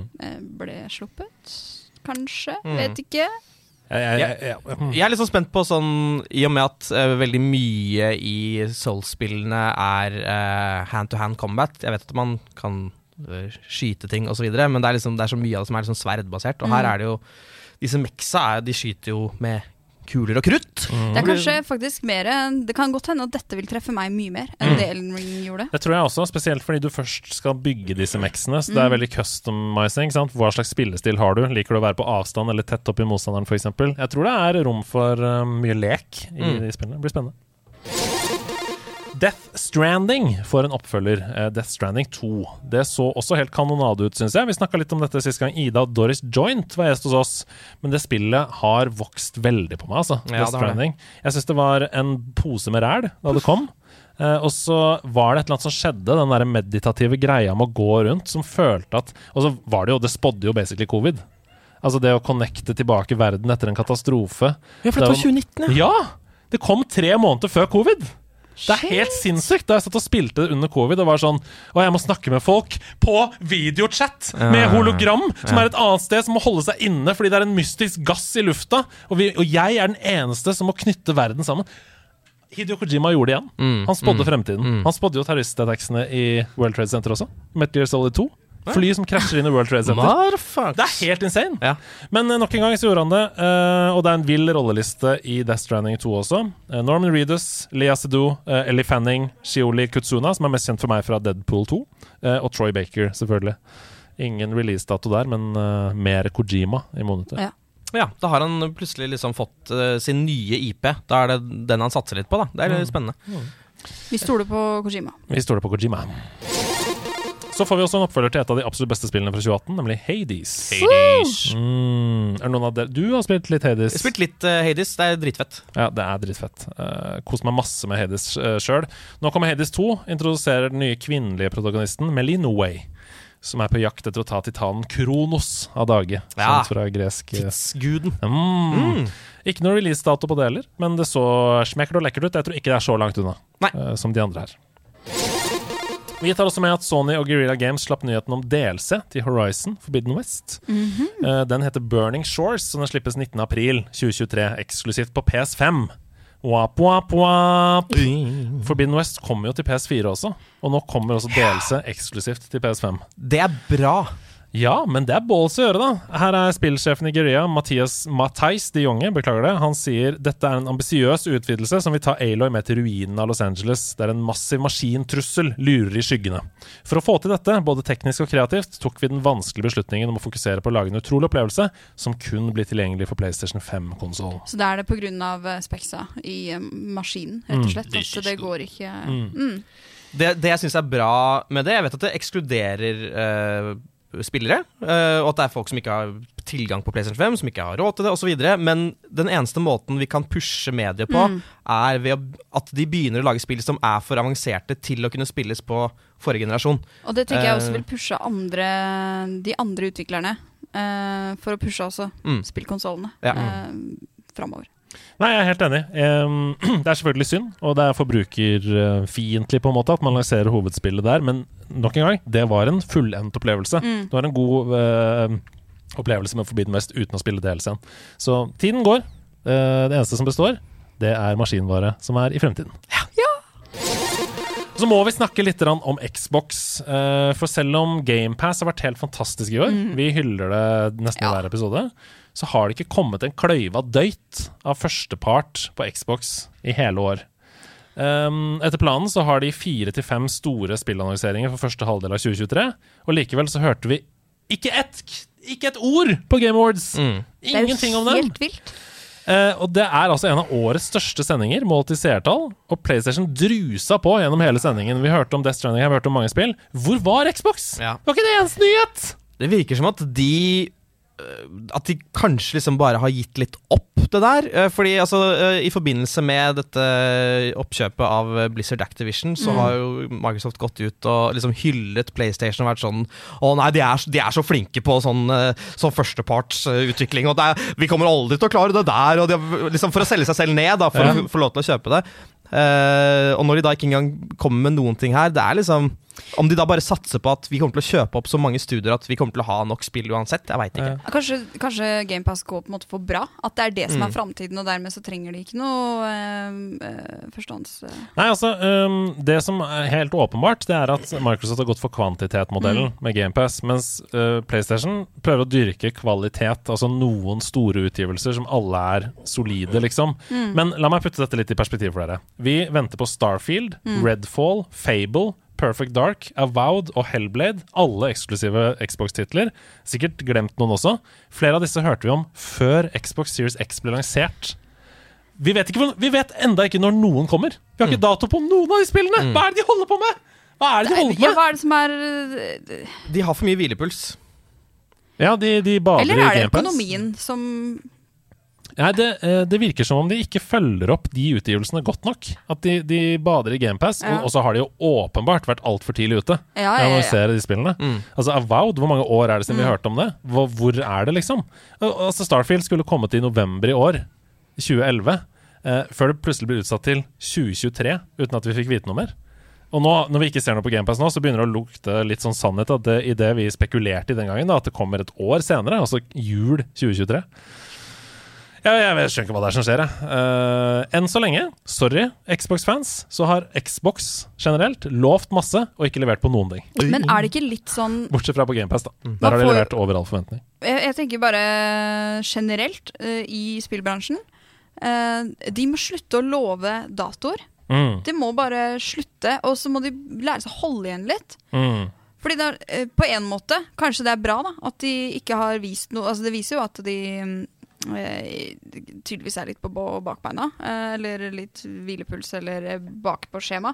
Men på en måte, kanskje det er kult at de venter med å annonsere noe til OK, det kommer om tre måneder, og da Mm. kommer det, liksom. Jeg er helt enig. Nintendo-modellen. Mm. Eh, det liker jeg mye bedre. At det kommer sånn dratt opp av Oi, det er et nytt Super Mario Mm. Odyssey, liksom. Sånn, wow, hva skjedde med det? Mm. er helt enig. Bra konkludert. En gruppe kanadiske foreldre saksøker Epic fordi barna deres ikke greier å slutte å spille Fortnite. Det skriver pressfire.no. Ja. Det er altså tre familier som mener at Epic med vilje har designa spillet for å være avhengighetsskapende, Mm. og at barna deres tar skade av å spille det. Mhm. Eh, familiene skal ha opplevd da eh, quote, at barna ble frustrerte da de fikk beskjed om å slutte å spille, noe som har skapt konflikter internt i familiene. Advokatfirmaet som representerer disse familiene, og alle andre som skal være med i dette Class Act-søksmålet, altså hele, alle som vil kan Mm. være med, liksom, de trekker paralleller til tobakksindustrien. Ja. De sier uh, det blir ulidelig hjemme, de kommer ikke til middag, noen ganger dusjer de ikke. Det er en avhengighet, sier advokat Alessandra Esposito Chertrand i et intervju da, med Global News. Eh, det søksmålet det kommer til å ta for seg om Altså, det er jo akseptert i den Mm. canadiske retten, så det blir noe av. Uh, om Epic Games med vilje har utviklet uh, og utgitt og markedsført et produkt som er helsemessig farlig. Om de har med vilje unnlatt å opplyse om farene ved spillingen, eller om de har dekket over slike farer. Det er det søksmålet går ut på. Men det er noe med Skal vi begynne å saksøke spill fordi de er gode, liksom? Ja, det er jo det som er Det er jo helt, det er helt riktig. Er jeg må det- saksøke denne forfatteren fordi at uh, barna mine de vil ikke slutte å lese de bøkene. Noen ganger så dusjer de ikke. Har forfatteren her med vilje skapt et produkt som er underholdende, Mm. som gjør at konsumer bare vil ha mer og mer? Ja. Altså, Hvor lite skal foreldrene stilles til ansvar for Ja. sjøl her? Hallo! Ja, ja. Hallo! Sett noen jævla grenser, og følg det opp. Ja, det er jo det det handler om! Ja. Det, må, altså, eh, det er Ja. ikke sånn at resten av verden ikke klarer dette. Det er deres lille klikk Ja. i Canada som ikke klarer å sette grenser for barna deres. jeg tenker at dette er også litt sånn symptomatisk for et samfunnsproblem som vi har. Nemlig at uh, man må finne ut av hvor, hvor mye ansvar uh, må man ta som foreldre. Uh, jeg skal ikke si så mye, for jeg er jo ikke forelder sjøl, men, men det der med ja, ansvar Grensesetting. Mm. Uh, unger har veldig godt av grensesetting. Noen ganger så blir det dårlig stemning. Og uh, konflikter innad i uh, familien eller relasjonen, ja. Ja. Men det er veldig sunt. Altså, ehm, dommeren har allerede sagt i denne saken at uh, designer av et spill kan ikke klandres for å ha skapt et interessant, engasjerende og attraktivt produkt. Det er vanskelig å skulle se for seg en spillskaper som med vilje designer et kjedelig, tregt og fargeløst spill. Yep. Men det er ikke det de mener her. De som saksøker, de mener at Epic har brukt vitenskap for å utnytte unge, uutviklede hjerner og sier sånn Hvis vi gir dem en ding på dette tidspunktet, så får de så mye dopamin at de ikke kan slutte å spille. De mener at de har med vilje lagd spillet for å spille på avhengighetsskapende mekanikker. Det er det de Men sånn mener. fungerer jo hele verden. Ja. Reklame. Reklamebransjen er jo eh, Så Alt som konsumeres, Ja. er laget sånn. ja. Nei, jeg er helt enig med dere. Eh, det- handler om å sette grenser. Dette er Det blir uansett liksom. spennende å se på hva utfallet blir av den saken. Fordi Helt det kan sette litt presedens for eh, det ene og andre. Dessverre kan det jo det! Så vi må håpe at de taper så det synger i alle instanser. Vi skal til været før vi skal runde av eh, Nerdenytt. I dag den 13. desember så kommer Crisis Core, Final Fantasy 7 Reunion. Merry Crisis! Merry Christmas! til PC og til alle konsoller. Til og med til Switch. Og det er en remake av det 14 år gamle PSP-spillet. Ja. Som fortalte sidehistorien om Zack. Uh, en figur som ble veldig viktig i Final Fantasy 7 hovedspillet, men som vi fikk ikke vite spesielt mye om vedkommende. Og det spillet her det fyller inn de uh, hullene, da. Det gjorde det allerede da det kom på PSP, men det er visstnok uh, meget godt nå, med unntak av at de har spilt inn alle stemmene på nytt, og noen av dem er visstnok really bad. Men ellers er det gøy. Hvis du er Final Fantasy 7-fan, så er det åpenbart en must play. Mm. Samtidig så får vi High On Life. Altså dere High on life. High On Life, skytespillet, eh, kom i dag, 13.12. Skytespillet fra Rick and Morty-skaperen. Ja! Ja. Ja! Ja. Det får veldig god omtale, det. ja. Ja. Og vi har jo altså såpass store forventninger til dette spillet at jeg krever nesten at det spilles før vi snakker om Game of the Year neste uke. Ja, ja, ja. For det kan være der oppe. Det kan være der oppe. Ja, Justin Ser Ryland jo eh, veldig, veldig gøy ut. Jeg har spilt en halvtime. Jeg har ledd høyt flere ganger. Altså, en Er det ute? Det, ja, det kom i dag. Å ja!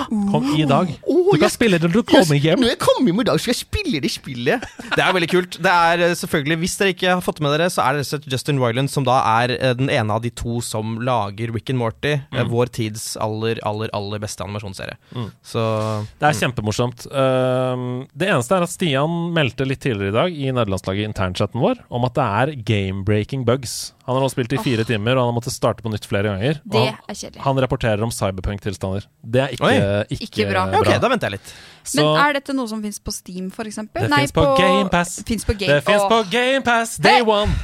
Selvfølgelig fins det på GamePass. Ah, Jeg ja. ja. Jeg orker blir ikke mer. Jeg blir gæren. Jeg blir orker ikke. huggeren. Ja, ja. Jeg har spilt det som sagt en halvtime på, på Xbox, på konsollen, og ikke opplevd noe problemer ennå. Men vi får se, da. Vet du hvor Stian spilte det? Var det På på, PC. Det var på PC, ja. Mm. Men han er mye lenger inn, så det kan godt hende at disse problemene oppstår underveis. Jeg har Mm. så vidt bare rørt i overflaten. Så tar vi med Blacktail. Det siste spillet denne uka Det kommer til PlayStation 5, til Xbox Series X og til PC på torsdag 15.12. Og det er noe så gøy som et pilskytende action-RPG. Blir det mye action med pil, da? Ja! Det er klart det blir det. Du går altså rundt og skyter med pil. Um, Det har vært i utvikling siden 2017, og det ser veldig polished ut, sånn utseendemessig. Jeg er spent på det. Det ligger en veldig kul gameplay-trailer på YouTube, Blacktail, der altså. Karakteren din eh, har, ser ut som en slags menneskekatt. Mm. Så hvis dere liker katter, så er det for dere.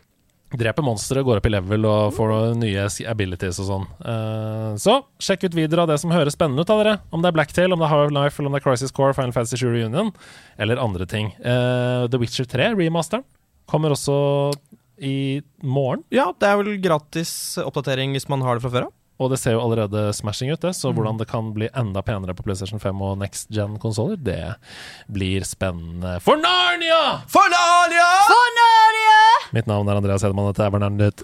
Navnet. Ja! Vi er tilbake her i 20 Quest Steps, der hvor Ida og jeg skal smelle hodene våre sammen for å skjønne hva Hasse driver med på. Jeg lurer fælt på hva han skal bringe til bordet i dag. Eh, Jeg håper vi klarer det på ti, men i verste fall så må vi klare det på Det stemmer.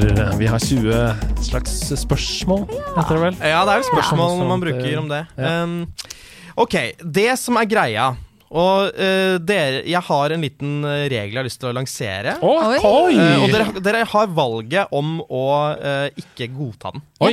Ja. Fordi jeg syns at ofte løses det for fort. ja! Um, Ok.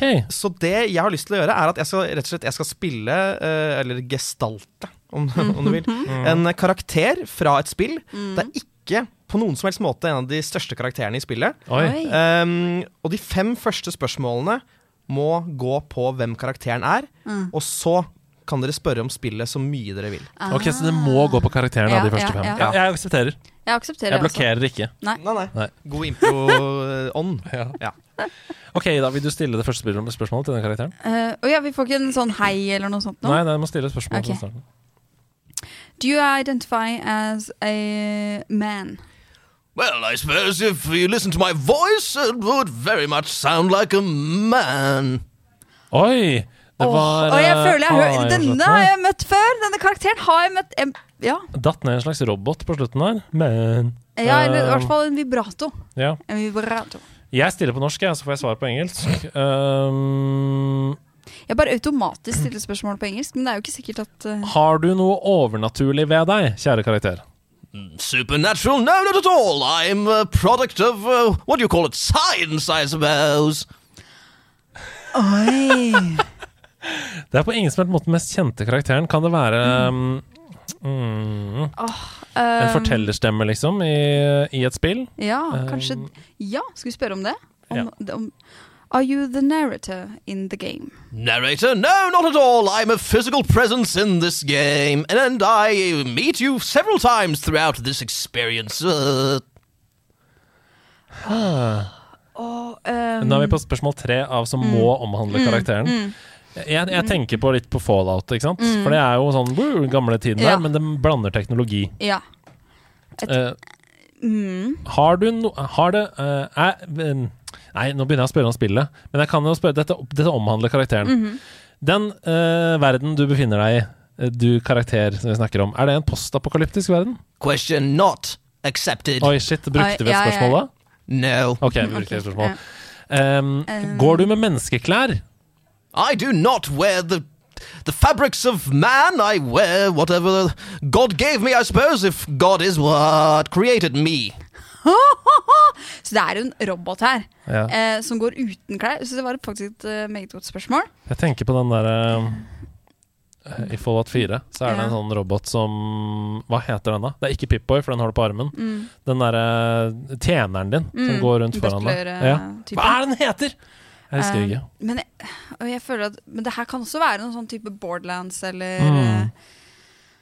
Um, Claptrap hadde vært mye mer Ja. gira! Og så hadde vi fått noen pens Ja, eller sant. forsøk på humor, tror jeg. Um, men um, å, hva kan vi spørre om, da? Om uh, Har du noen familiemedlemmer, kan vi spørre om. Ja, eller uh, om dette er en person som gir oss missions. Ja.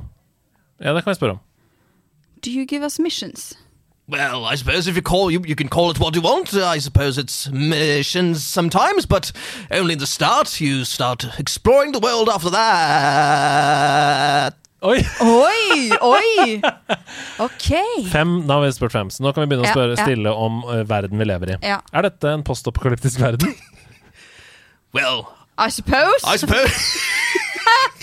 I suppose it is a bit post post apocalyptic. Uh, the world around me is quite uh, well colourless, I suppose, and I'm quite lonely, I must say. Er, er vi i noen noir-sjanger her? Jeg, jeg klarer ikke Ver- å slippe Fallout, jeg. Nei. Det, det er colorless, og det er en postapokalyptisk Ja. verden, og han er alene. Altså om I Vault 76, som han Mm. våkner opp, så er det bare du og uh, Jeg kom på tittelen. Codsworth, som Mm. han roboten heter i, i Fallout. Men, eh, men la, oss følge, la oss ha det i bakhodet. Vi vet at vi kan gå den veien. mm, mm. Noir-sporet, hva tenkte du på da? Nei, han sier det er colorless eh, verden, og da Ja, blir sånn, ja. jeg litt sånn noir-prega eh, med en gang. Mm. Men, men jeg, jeg vet ikke helt hvor vi skal eventuelt heller. Mm. Men skal vi spørre om dette er et tungt tekstbasert spill? Ja, det kan vi spørre om. Eller om, om valgene du tar i tekst har noe å si. Det kan vi spørre om. Fordi det er jo sånn du gjør i Fallout også. Ja. Har valgene du tar, noe i tekst noe å si? Well, I suppose they do. You have several, several uh, ways to go. If uh, I ask you a question, you may choose between four alternatives, and then we shall see where that takes you. Er du Codsworth? Why? I suppose I am. Dæven! Jeg må si, du er jo god. Du er god. Ja, du er meget god, Ja. men det var eh, så gale bort der, gitt. Og vi klarte det bare på Eller sju som jeg Ja. si. Um, men veldig, veldig bra. Eh, det er en karakter jeg virkelig hadde glemt, og det sier jo litt om din performance at det var såpass greit å komme fram til det. Ja, for med en gang du begynte, så kjente jeg dette. Dette har jeg hørt før. Dette er 100 Ja. likt. Ja, det er veldig bra. Eh, meget eh, godt eh, jobba, Hasse. Du kan Eh, begynne med sånn selge sånne der, eh, eh, hilsener på nett. Ja! Ja, jeg er på memo.com. Ja. Ja. Og så syns jeg også at du skal komme med enda en regel neste gang, så det blir enda vanskeligere. Ja. Greit, greit. Well, actually, surely what you're saying is a balderdash of ox's feces, sausage tissue, urine talk. On, on the contrary, no, no, no, no. I'm back to differ! De nerde strides. Oi! What? Til vanlig så har vi kun denne spalten når vi har gjest. Ja. Men det var du som slang en liten curveball til meg, altså. For jeg nevnte nemlig noe i vår interne WhatsApp-chat denne uka her, hvor du sa Kunne ikke du ta med det i din nerdeste Så tenkte jeg ja, det kan jeg vel gjøre. For dette er kanskje en kontroversiell mening, jeg veit ikke. Hasse reagerte veldig på det. Jeg mener nemlig at et spill som har fått lavere karakter enn et annet i løpet av året. Hvis man har anmeldt et spill på starten av året, gitt det kanskje 65 av 100, så har man anmeldt et spill senere, gitt det 75 av 100, så kan fortsatt det første komme høyere enn det andre på Game of the Year-lista. Det mener jeg. Jeg mener Det at det, ikke, det kan ikke være sånn at du skal, du skal gå inn på internett så skal du lese er hva er de høyeste helt- karakterene, jeg- jeg og så skal du rangere Game of the Year-lista Ja. di kun etter de høyeste karakterene. Er Og helt enig. eksempelet mitt Eksempelet mitt som jeg sa her, det var det følgende. Um, Polygon hadde Mm. nemlig satt Pokémon Scarlet og Violet foran Horizon Forbidden West. Mm. Og så sa Hasse uh, jeg kan anerkjenne og respektere en liste som gjør det. Så sa jeg vet du hva, jeg er helt enig. Og så fikk du helt hakeslepp. Hvorfor fikk du hakeslepp av det? Uh, jeg fikk hakeslepp uh, fordi altså eh, Og jeg vet det høres rart ut når ikke jeg har spilt disse spillene, men bare sånn ut ifra det jeg har hørt fra mennesker rundt meg, og lest i anmeldelser, så er jo uh, Horizon-spillet uh, et veldig gjennomarbeida, veldig bra, Stian? polished kongespill. Stian ga det 100 av 100. Han ga 100 av 100. uh, mens uh, Pokémon Scarlet og Violet uh, har så mye som er drit, og som frustrerer folk, og som Du har på, vært på grensen til å si at de burde ikke gitt ut spillet, Ja. Andreas. Ja. Eh, og, og derfor så, så fikk jeg hakeslepp, rett og slett. Og jeg mener jo at dette på en måte blir en da diskusjon mellom eh, det blir en veldig sånn subjektivitet kontra objektivitet-diskusjon. Mm. Ja. Eh, der det handler om litt om liksom, topper og bunner. Ja. Altså, Skal man ranke det etter hvor gøy man hadde det på sitt beste, eller som en mer sånn gjennomsnitts hvor, hvor, Mm. hvor bra det var å spille spillet? da Og det virker som at dette kanskje er det det handler om for deg, Andreas? Problemet mitt eh, for meg Det er at Scarlet og Violet var et spill Da det pika, så hadde jeg det dritgøy. Og det gjorde jeg tok sjanser, og det ga meg masse nytt i en sjanger som jeg er veldig glad i, nemlig Pokémon-sjangeren. Vi kan nesten kalle det en egen sjanger. Ja. Um, Forbidden West var supersafe fra start til mål, syns jeg, da. Det var uh, et Horizon-spill som var supersafe, åtte av ti. Jeg hadde jevnt gøy hele veien. Jeg hadde, jeg hadde jevnt gøy. Og det er Jeg skjønner at dette er, van det er vanskelig å sette det opp mot hverandre og ja. Hvis du greier å se bort fra at uh, Pokémon Scarlet og Violet ikke burde vært gitt ut fordi det har enorme problemer uh, teknisk, og det krasjer og sliter og uh, ser stygt ut og dritt og sånn, så uh, syns jeg at pikene mine gøyhetsmessig Jeg kommer til å huske Pokémon Scarlet og Violet lenger enn jeg kommer til å huske Horizon Forbidden West. Sorry. Sånn, sånn er det bare. Ja. Og Derfor så mener jeg at du kan ikke bare gå inn på en liste og se Ja, 90 av 100, da kommer det over det som hadde 85 av 100 på Game of the Year-lista. Men jeg, jeg kan se den når det handler om sånne aggregatsider som gir gjennomsnittsscores, uh, men hvis du selv på en måte har anmeldt spillene og nå, nå var det ikke du som anmeldte Horizon. Nei, men jeg, jeg hadde fortsatt gitt det 80 av 100. Ikke sant? Og eh, Pokémon 65 av 100. Og da, 63, da, da mener jeg at eh, det blir useriøst. Oi! Eh, ordentlig useriøst Ja. å, å rangere Pokémon høyere enn det. Mm. For Både sånn av respekt for, for spillene, for de som har laget det, men også bare liksom eh, Ja, nei, som journalister som mener Ja. at det blir feil. Nei, det, ja, jeg skjønner hva du mener. For meg så handler det om at spillet modnes med tiden. Da. Og for meg så modnet eh, Horizon Zero Nei, Forbidden West seg som melk. Men Scarlett og Violet modnes seg som god vin. Men når, når dere uh, anmelder spill, Ja. uh, ser dere de opp imot de spillene dere tidligere har anmeldt? I sjangeren, ja. I, i Nei, bare generelt det året. Nei, nei, nei det gjør Fordi ikke. det Det sånn, da blir det litt sånn OK, jeg ga uh, dette spillet uh, så og så mye. Jeg syns jeg dette er bedre eller dårligere. uh, og at det er derfra man må, må ta det. Fordi da blir det jo umulig Sånn som Stian gikk jo hardt ut og ga 100 og 100, var det det? Mm. Da måtte du på en måte sette opp imot det, da. Så blir jo svaret er det bedre eller dårligere enn Horizon. Og hvis det er like godt eller bedre, som alle får 100. Ja, ja. Og det, det er derfor det må være en subjektivitet her Mm. også, og en følelse av hvordan opplevelsen din var med spillet. Akkurat for meg så var Horizon Forbidden West både for safe og for rotete, Mm. på likt. Um, fordi det er for mye instrukser på starten, og du blir, det, blir ikke, det, blir, det tar lengre tid da enn Zero Dawn før du blir hekta, liksom. Uh, men uansett, eh, utgangspunktet var bare det. Går det an å gi et spill som har fått lavere karakter, en høyere plassering på Game of the Year-lista? Jeg mener ja. Mm. Ja. Og jeg må også, respektere det. Og så er det noe med vi spiller jo spill etter vi har anmeldt det også. Mm. Man kan få en annen spillopplevelse etter man har anmeldt det. Mm. Den siste, jeg har en mening til. Mm. Den skal bare være kort. Men når, folkens, begynner vi å inkludere Game as a Service-spill i Game of the Year? Fordi jeg syns det burde skje umiddelbart, og helst for mange år siden. Mm. Eh, jeg kan argumentere for at Mario Kart 8 bør være på Game of the Year-lista i år. Det har Mm. kommet 24 nye baner i det spillet i løpet av 2022. Alle er bra, de aller fleste. Spillet har fått en new revival. Det er masse folk som spiller det enda. eh, Og du kunne kost deg med bare de 24 banene i, i 2022. Hvorfor snakker vi ikke om at Mario Kart burde vært på den lista? Eller, som noen sier, Fortnite, for eksempel. Ja, og så Polygon hadde Fortnite på femteplass. Nettopp. Eh, fordi det har faktisk skjedd så mye at det tilsvarer nesten et nytt spill. Mm. Destiny 2.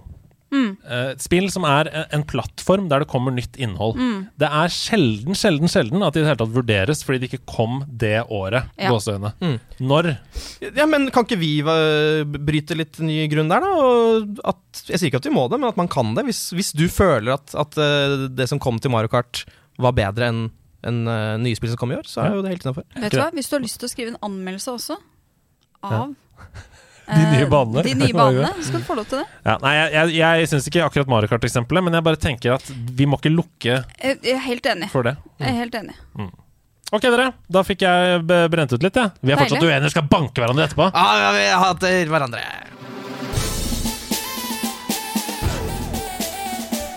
Gå lydplanken! Å ja! Vi er på de åtte hav, fordi det er nemlig et ekstra hav som heter Nerdehavet. Å nei, nei, nei, nei, ikke Nerdehavet! Her er jeg på mitt store, store skip. Og vi skal se hvem er det som skal gå lydplanken i dag. Takk skal du ha, kjære Ida. Takk for at du sier det der du står på din egen lydplanke. Det er dere to som skal ut på lydplanken i dag. Jeg tok fugleperspektivet og ble fortellerstemmen i denne konkurransen. vanlig deltaker. Det er veldig gøy. Eh, er dere klare for å konkurrere mot hverandre? Ja. Duellere? Duellere. Er du en garde?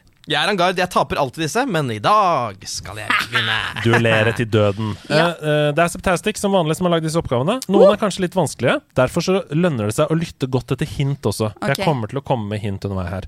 Her kommer det første eh, spørsmålet. Husk til slutt at det er en fellesnevner Mm. mellom disse tre spillene vi skal snakke om nå.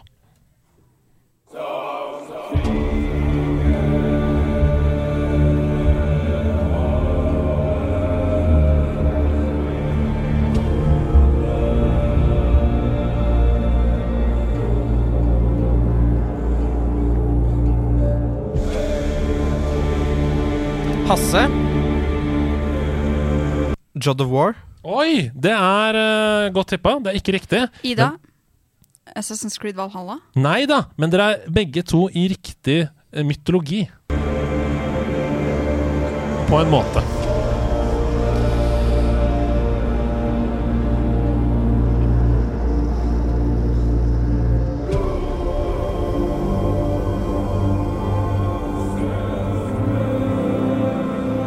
Vi har spilt dette på en av veldedighetsfilmene våre. Ida? Eh, Valhalla? Nei, det er ikke det.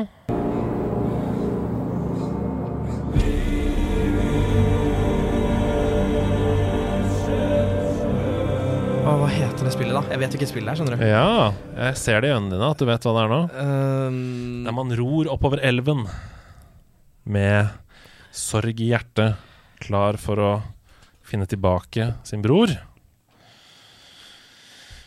I rollen som en kvinnelig karakter. Nei, dette er Hellblade. Ah. Senuas Sacrifice. Ja. Skulle si. eh, vi skal til her. Ja. Og oppfølgingsspørsmålet på Hellblade, Senuas Sacrifice, er dette. Ninja Theory er navnet på selskapet som utviklet Hellblade, uh, Senua's Sacrifice.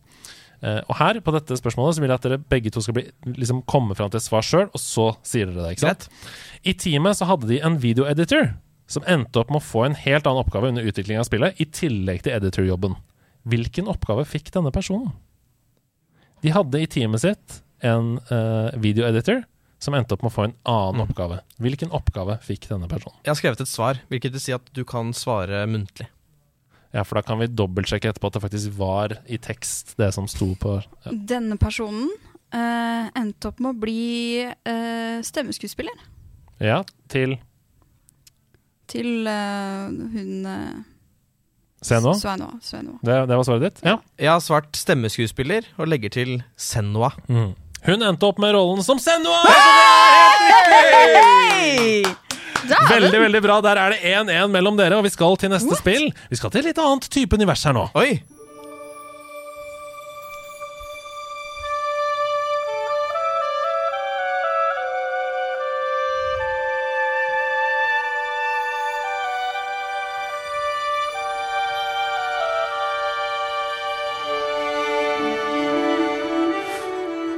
Ida, det er ikke Dreamlight Valley. Hasse. Kingdom Hearts.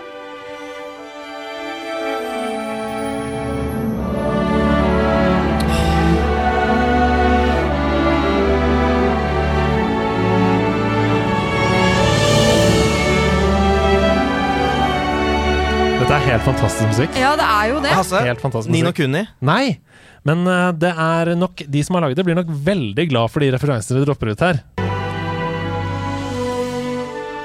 Hasse Owlboy. Det er Owlboy!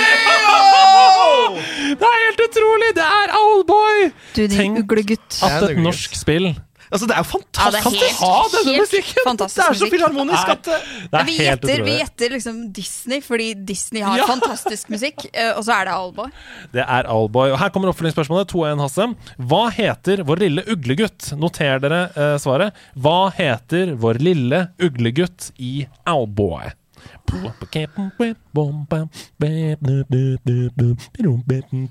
Yes. Jeg bare Jeg bare- jeg, Jeg husker ikke, men jeg gjetter på Hugo. du gjetter på Hugo, ja? Jeg gjetter på Owly. Du gjetter på Owly. Det, du er nærmest på en eller annen måte, fordi det er et firebokstavers ord, Ja. men det er Otis. Ja. Som Jeg Otis synes du skal få Redding. poeng for det. var det. Nei! Hugo. Ja, men uh, Hugo Jeg føler at Hugo er nærmere Otis enn Owly. Ja, ja, ja. ja. Veldig bra. Otis, eller Otus er det vel kanskje. Når jeg tenker meg om det står Otus i svaret her, så er det sikkert Otus som er riktig. Jeg tenkte på Otis Redding, så da ble det Men Otus er nok riktig. Ok, vi skal til tredje oppgave. Det er fortsatt 2-1 til Hasse Hope. Mm.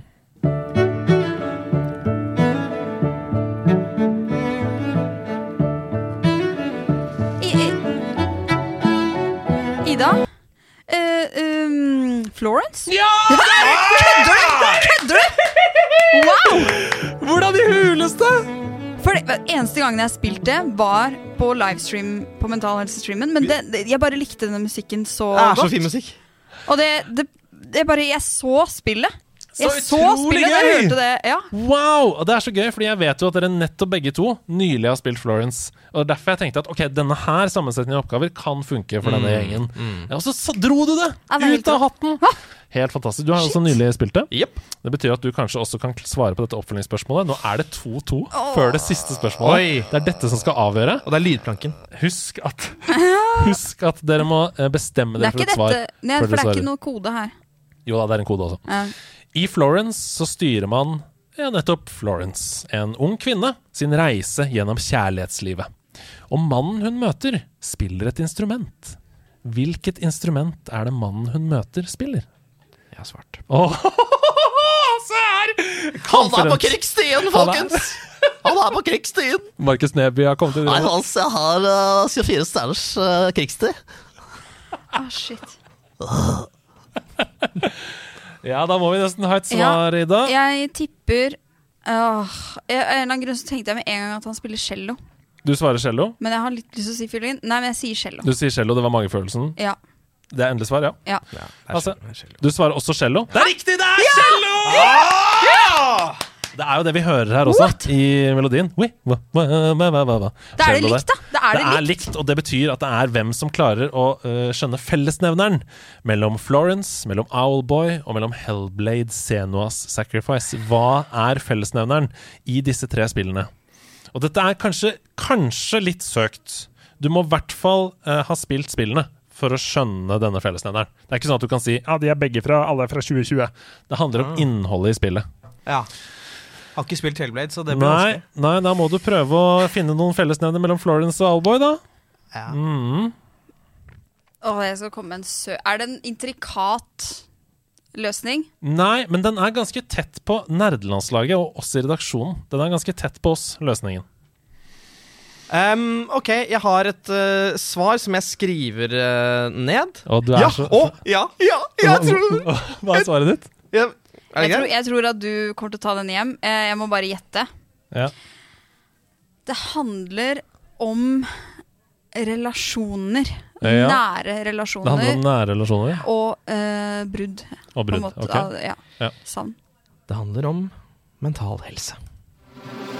Det er helt riktig! Det handler om mental helse i alle spillene! Ida, du må gå lydplanken!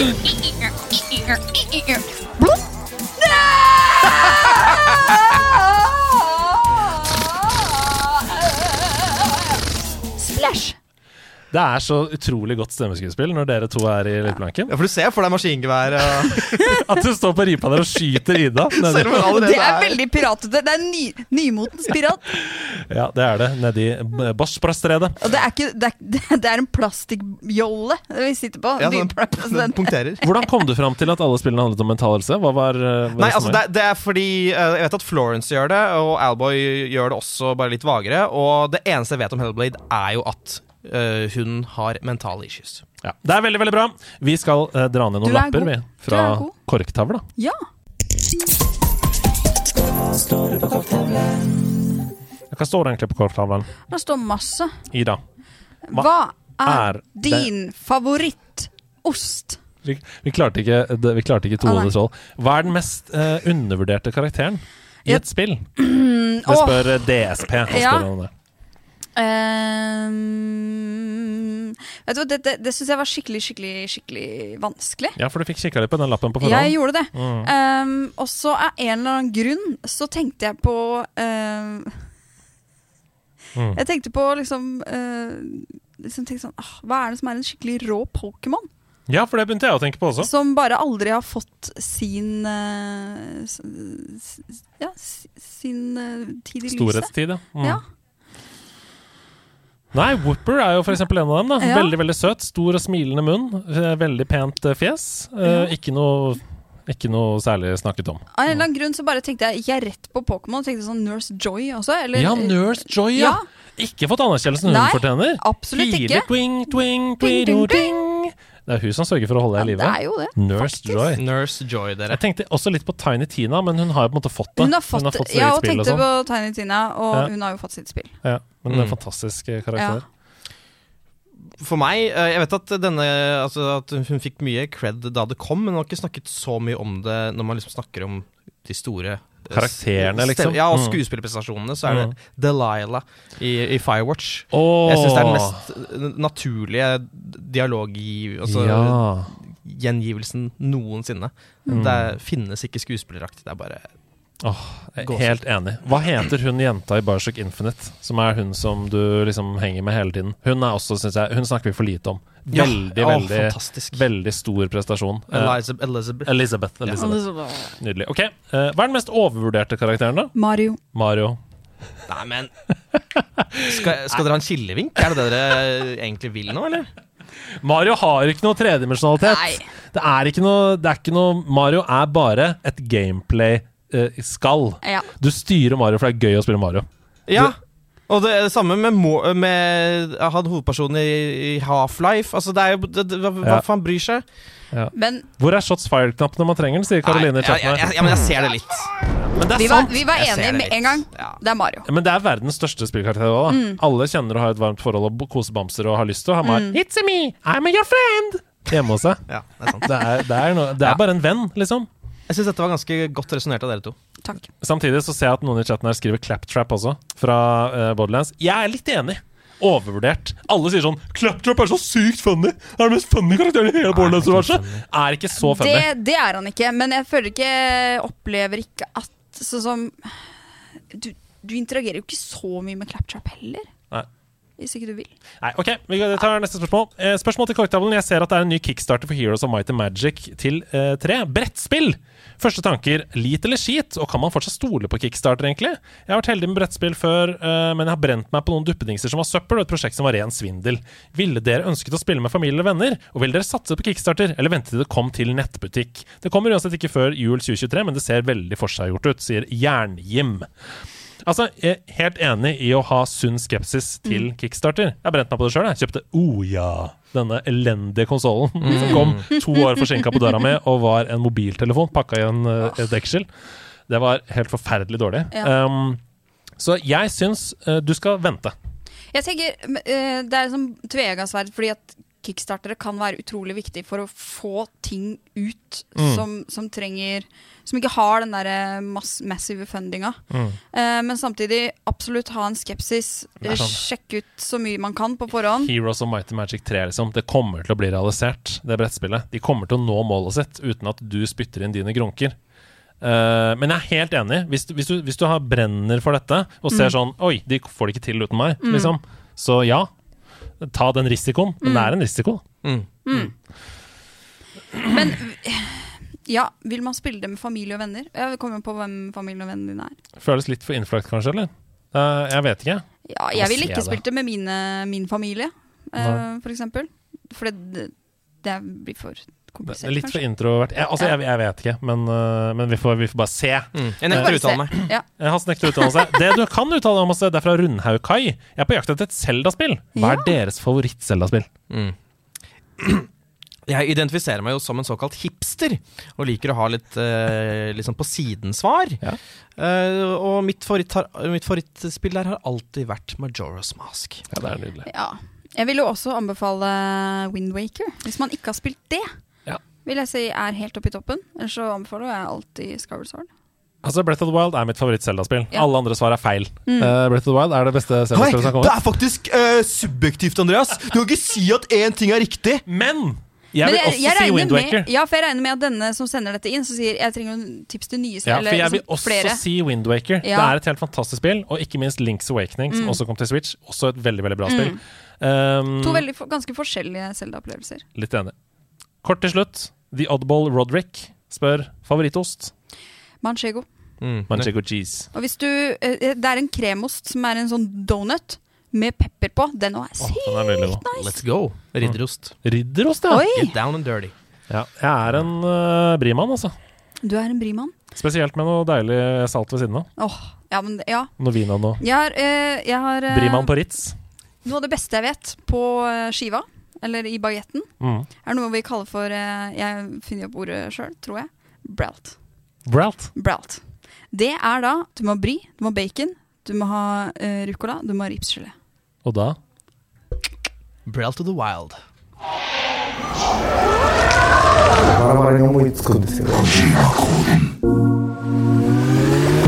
Ah, Yeah! Vi er nede i Tokyos undergrunner. Hva skal vi finne nå? Kojima, hvor er du? Ha!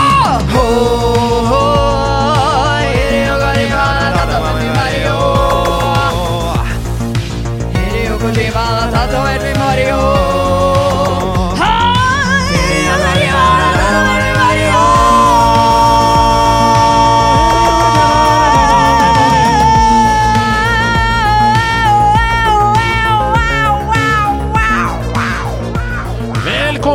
Tokyos underverden, der Hideo Kojima har kommet ut av Death Stranding, to hula si, og har gått inn i våre bodies, bodies, bodies, bodies, bodies, bodies, bodies, bodies. Hasse, hva er det Hideo har funnet på med deg denne uka her, da? Ja, han har gått innenfor min kropps Ja. grenser Ja. og blitt en del av meg, og han har kommet med en slags rebus, der han kan komme fram til et spill. Kjør på. Forrådt av sin elev. Hans sønn må tre fram, løpe seg gjennom gang etter gang. Prøv å unngå skade Prøv unngå å skade deg så, og du dine rynker vil sannelig unngå. Ida? Vi, vi er på lag, Ja. så det er, Det Skal er vi si det? Tre, to, én, Ja, Sifu. Sifu. Igjen, altså Problemet er at når vi har hatt det som tema tidligere, så ligger det så ferskt i minnet. Um, Det er veldig sant. men det er riktig. Gang etter gang. Ja, det var, og det var rynker og, og Ja, det ja. Rynker. Men det var skal- veldig bra Ja. kode. Fantastisk. Mm. Eh, dere skal få del to, som også da avsluttes med et såkalt nødrim. Ja, det er klart. Det er ikke så ofte vi har. Moves galore. Give me more, give me more. Slag, spark og kast. Gi din fiende sår. Fem baner skal spilles, men å vinne er vanskelig. Kun Hasse kan gjøre det på under 60. Åh, det er så bra! Ja, men jeg, jeg vil nesten ikke si at det er eh, nødrim. jeg. Ok. Nei, Jeg syns den var, den var be, be, bedre enn nød. Bedre enn Takk. forventa. Ja. Idas kropp er også tatt Mhm. over av en japansk ganske tynn mann. ja. Fortell om det. Jo. ehm, jeg har, den er på engelsk. Oi! Den er på utenlands. Utfordrer formatet. Ja. Hva skal vi kalle det for eh? Det er ok for på engelsk. Det er ikke så grovt, da. Den er på engelsk. Ok, referansen sitter løst. Ja! Uh, hva skal vi kalle det når det er på engelsk? da? Eh, Kojimas code. Ja, det blir jo Code. direkte The oversatt. Kojima code. Kojima code. Ok. Ja. Oh my god, we're back again. Brothers, sisters, lovers in a confusing blend. Gonna bring the force, show you how. To put the bricks together, better answer now. Oi. Oi. Bricks Together. Tetris, føles det som. Ja, Force, Star War. Star War, ja. Um, Star War Tetris. Så er spørsmål, ja, ja, men spørsmålet er jo om det at det er en Backstreet Boy-sang som den er bygget på, om det er et hint i det, eller om det er rett og slett uh, et fiffig påfunn. Ja, jeg tror det er Oh my God We're Back Again, og så er det Brothers Sisters. At man får mange sammen. Ja. Det lukter Tetris 99 for meg. Som er at 99 spiller mot hverandre eh, i Tetris. Ja.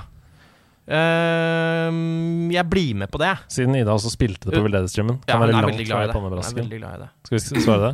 Svare Tetris 99. Tet 99. Det er feil som Oi! en gammel rev. Ja. Ok, da tar vi neste del. Ja, det er tre, det er tre ledd. Oi! Eh, ok. ja. Am I original? No. Am I the only one? No. Oi. Am I sexual? No. Am I on every platform you need? You better build my body now. Vi skal bygge en kropp. Vi er på alle plattformer. Uh, ja, og jeg er ikke uh, the only one, så jeg er ikke den eneste i sjangeren. Ja, ikke sant? er det da snakk om liksom Minecraft kontra Roblox? Ja, sånn, ja. Uh, Og- vi, vet du hva? Vi svarer Minecraft, vi. Vi svarer Minecraft. Vi må videre. Ok, I så fall så blir det Roblox på siste. Greit. Okay. Feil. Farken i barsnox! Everybody, plastic body. Everybody, choose to do what's right. Turn the dark side into light. Igjen så får vi en Star Wars. Star Wars, ja.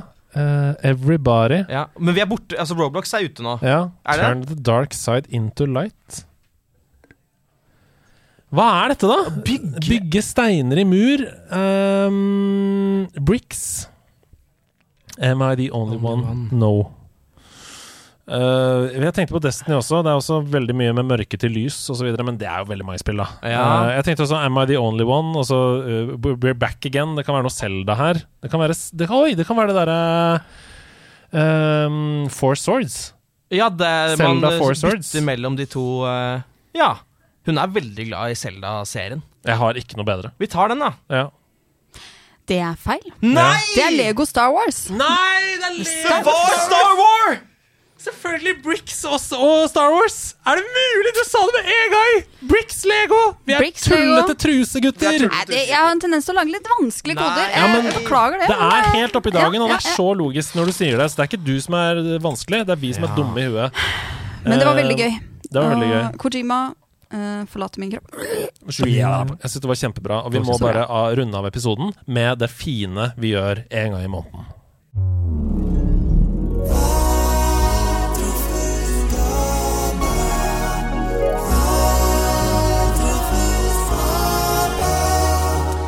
Ja, vi er tilbake i troféskap-mode. Det er sjelden. Det er Men eh, det skjer en gang i måneden, og det er veldig hyggelig. Um, snart er det Patron-palleren, det er også gøy. Mm. Men månedens troféskap er det altså Kirsten som har sendt inn til oss.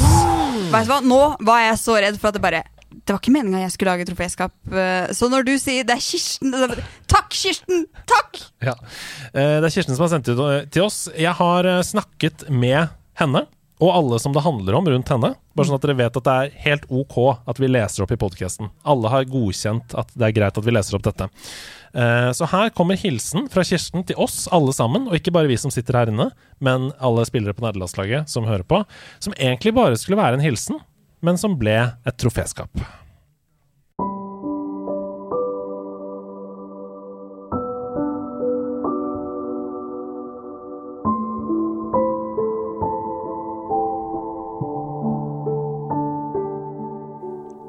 Hei! Jeg er nok dessverre ingen gamer. Jeg er nok født et par tiår for tidlig for det.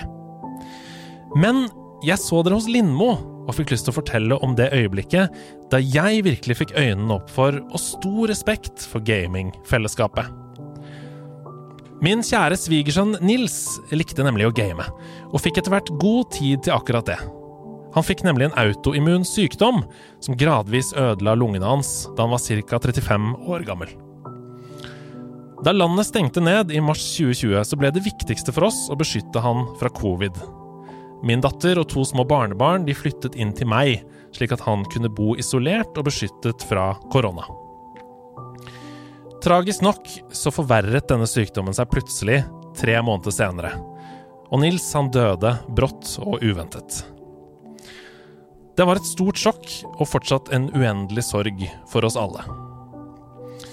Og grunnen til at jeg forteller akkurat dere om dette, det er fordi det plutselig, helt uventet, dukket opp en stor, flott krans i begravelsen, med en lang hilsen skrevet på engelsk.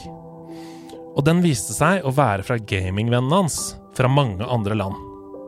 Og det vi antar at har skjedd, det er at de begynte å søke etter ham på nett når han plutselig uteble fra gamingen. Hvorpå noen så har funnet han i kondolanseprotokollen på nettet. At de så gikk sammen om å skrive hilsen og kjøpe krans til begravelsen hans, det er så utrolig rørende. I hilsen så har de skrevet så mye fint om han som person, og det er helt tydelig for alle oss andre at de har blitt kjent med han som den fine, lune og hjelpsomme personen som han var. Noen la også igjen hilsener i kondolanseprotokollen. A phenomenal person. Rest well, guardian. You've earned your return to the light. From your Destiny friends, Kilroy 146, Greg, Politics, Sansa, Goats, Merle, Exxon Valdez, Now and Seven. Og min datter hun hadde ikke tilgang til spillet, og hun kunne ikke få takket dem direkte, men hun skrev en varm og dyptfølt takk til gamingvennene i kondolanseprotokollen. Og dette her, det var virkelig en øyeåpner for meg i forhold til betydningen av fellesskapet i gamingverden. Det har vært så utrolig godt for oss i ettertid å vite at han hadde disse vennene og dette fellesskapet når han ellers var tvunget til å leve isolert, bare med telefonkontakt og besøk utenfor vinduet.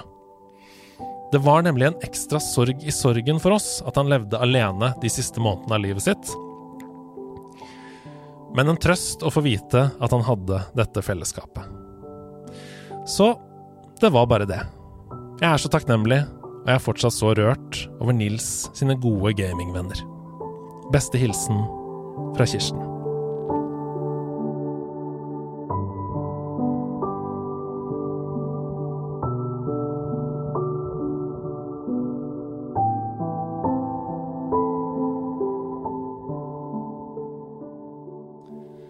Det er fint. Og veldig vanskelig å fremføre. Men eh, Kirsten fortjente plass, syns jeg, i, i podkasten. Uten tvil. Og det er jo sånne historier som har dukket mer og mer opp de siste årene. Vi har hørt om det mm, tidligere også. Det er skrevet en bok om, om lignende eh, historier.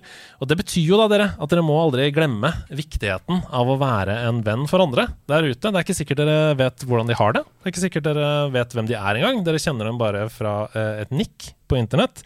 Men det som dere gjør sammen med dem på internett, det kan bety så utrolig mye mer for dem da, enn det du tror bare umiddelbart. Oh!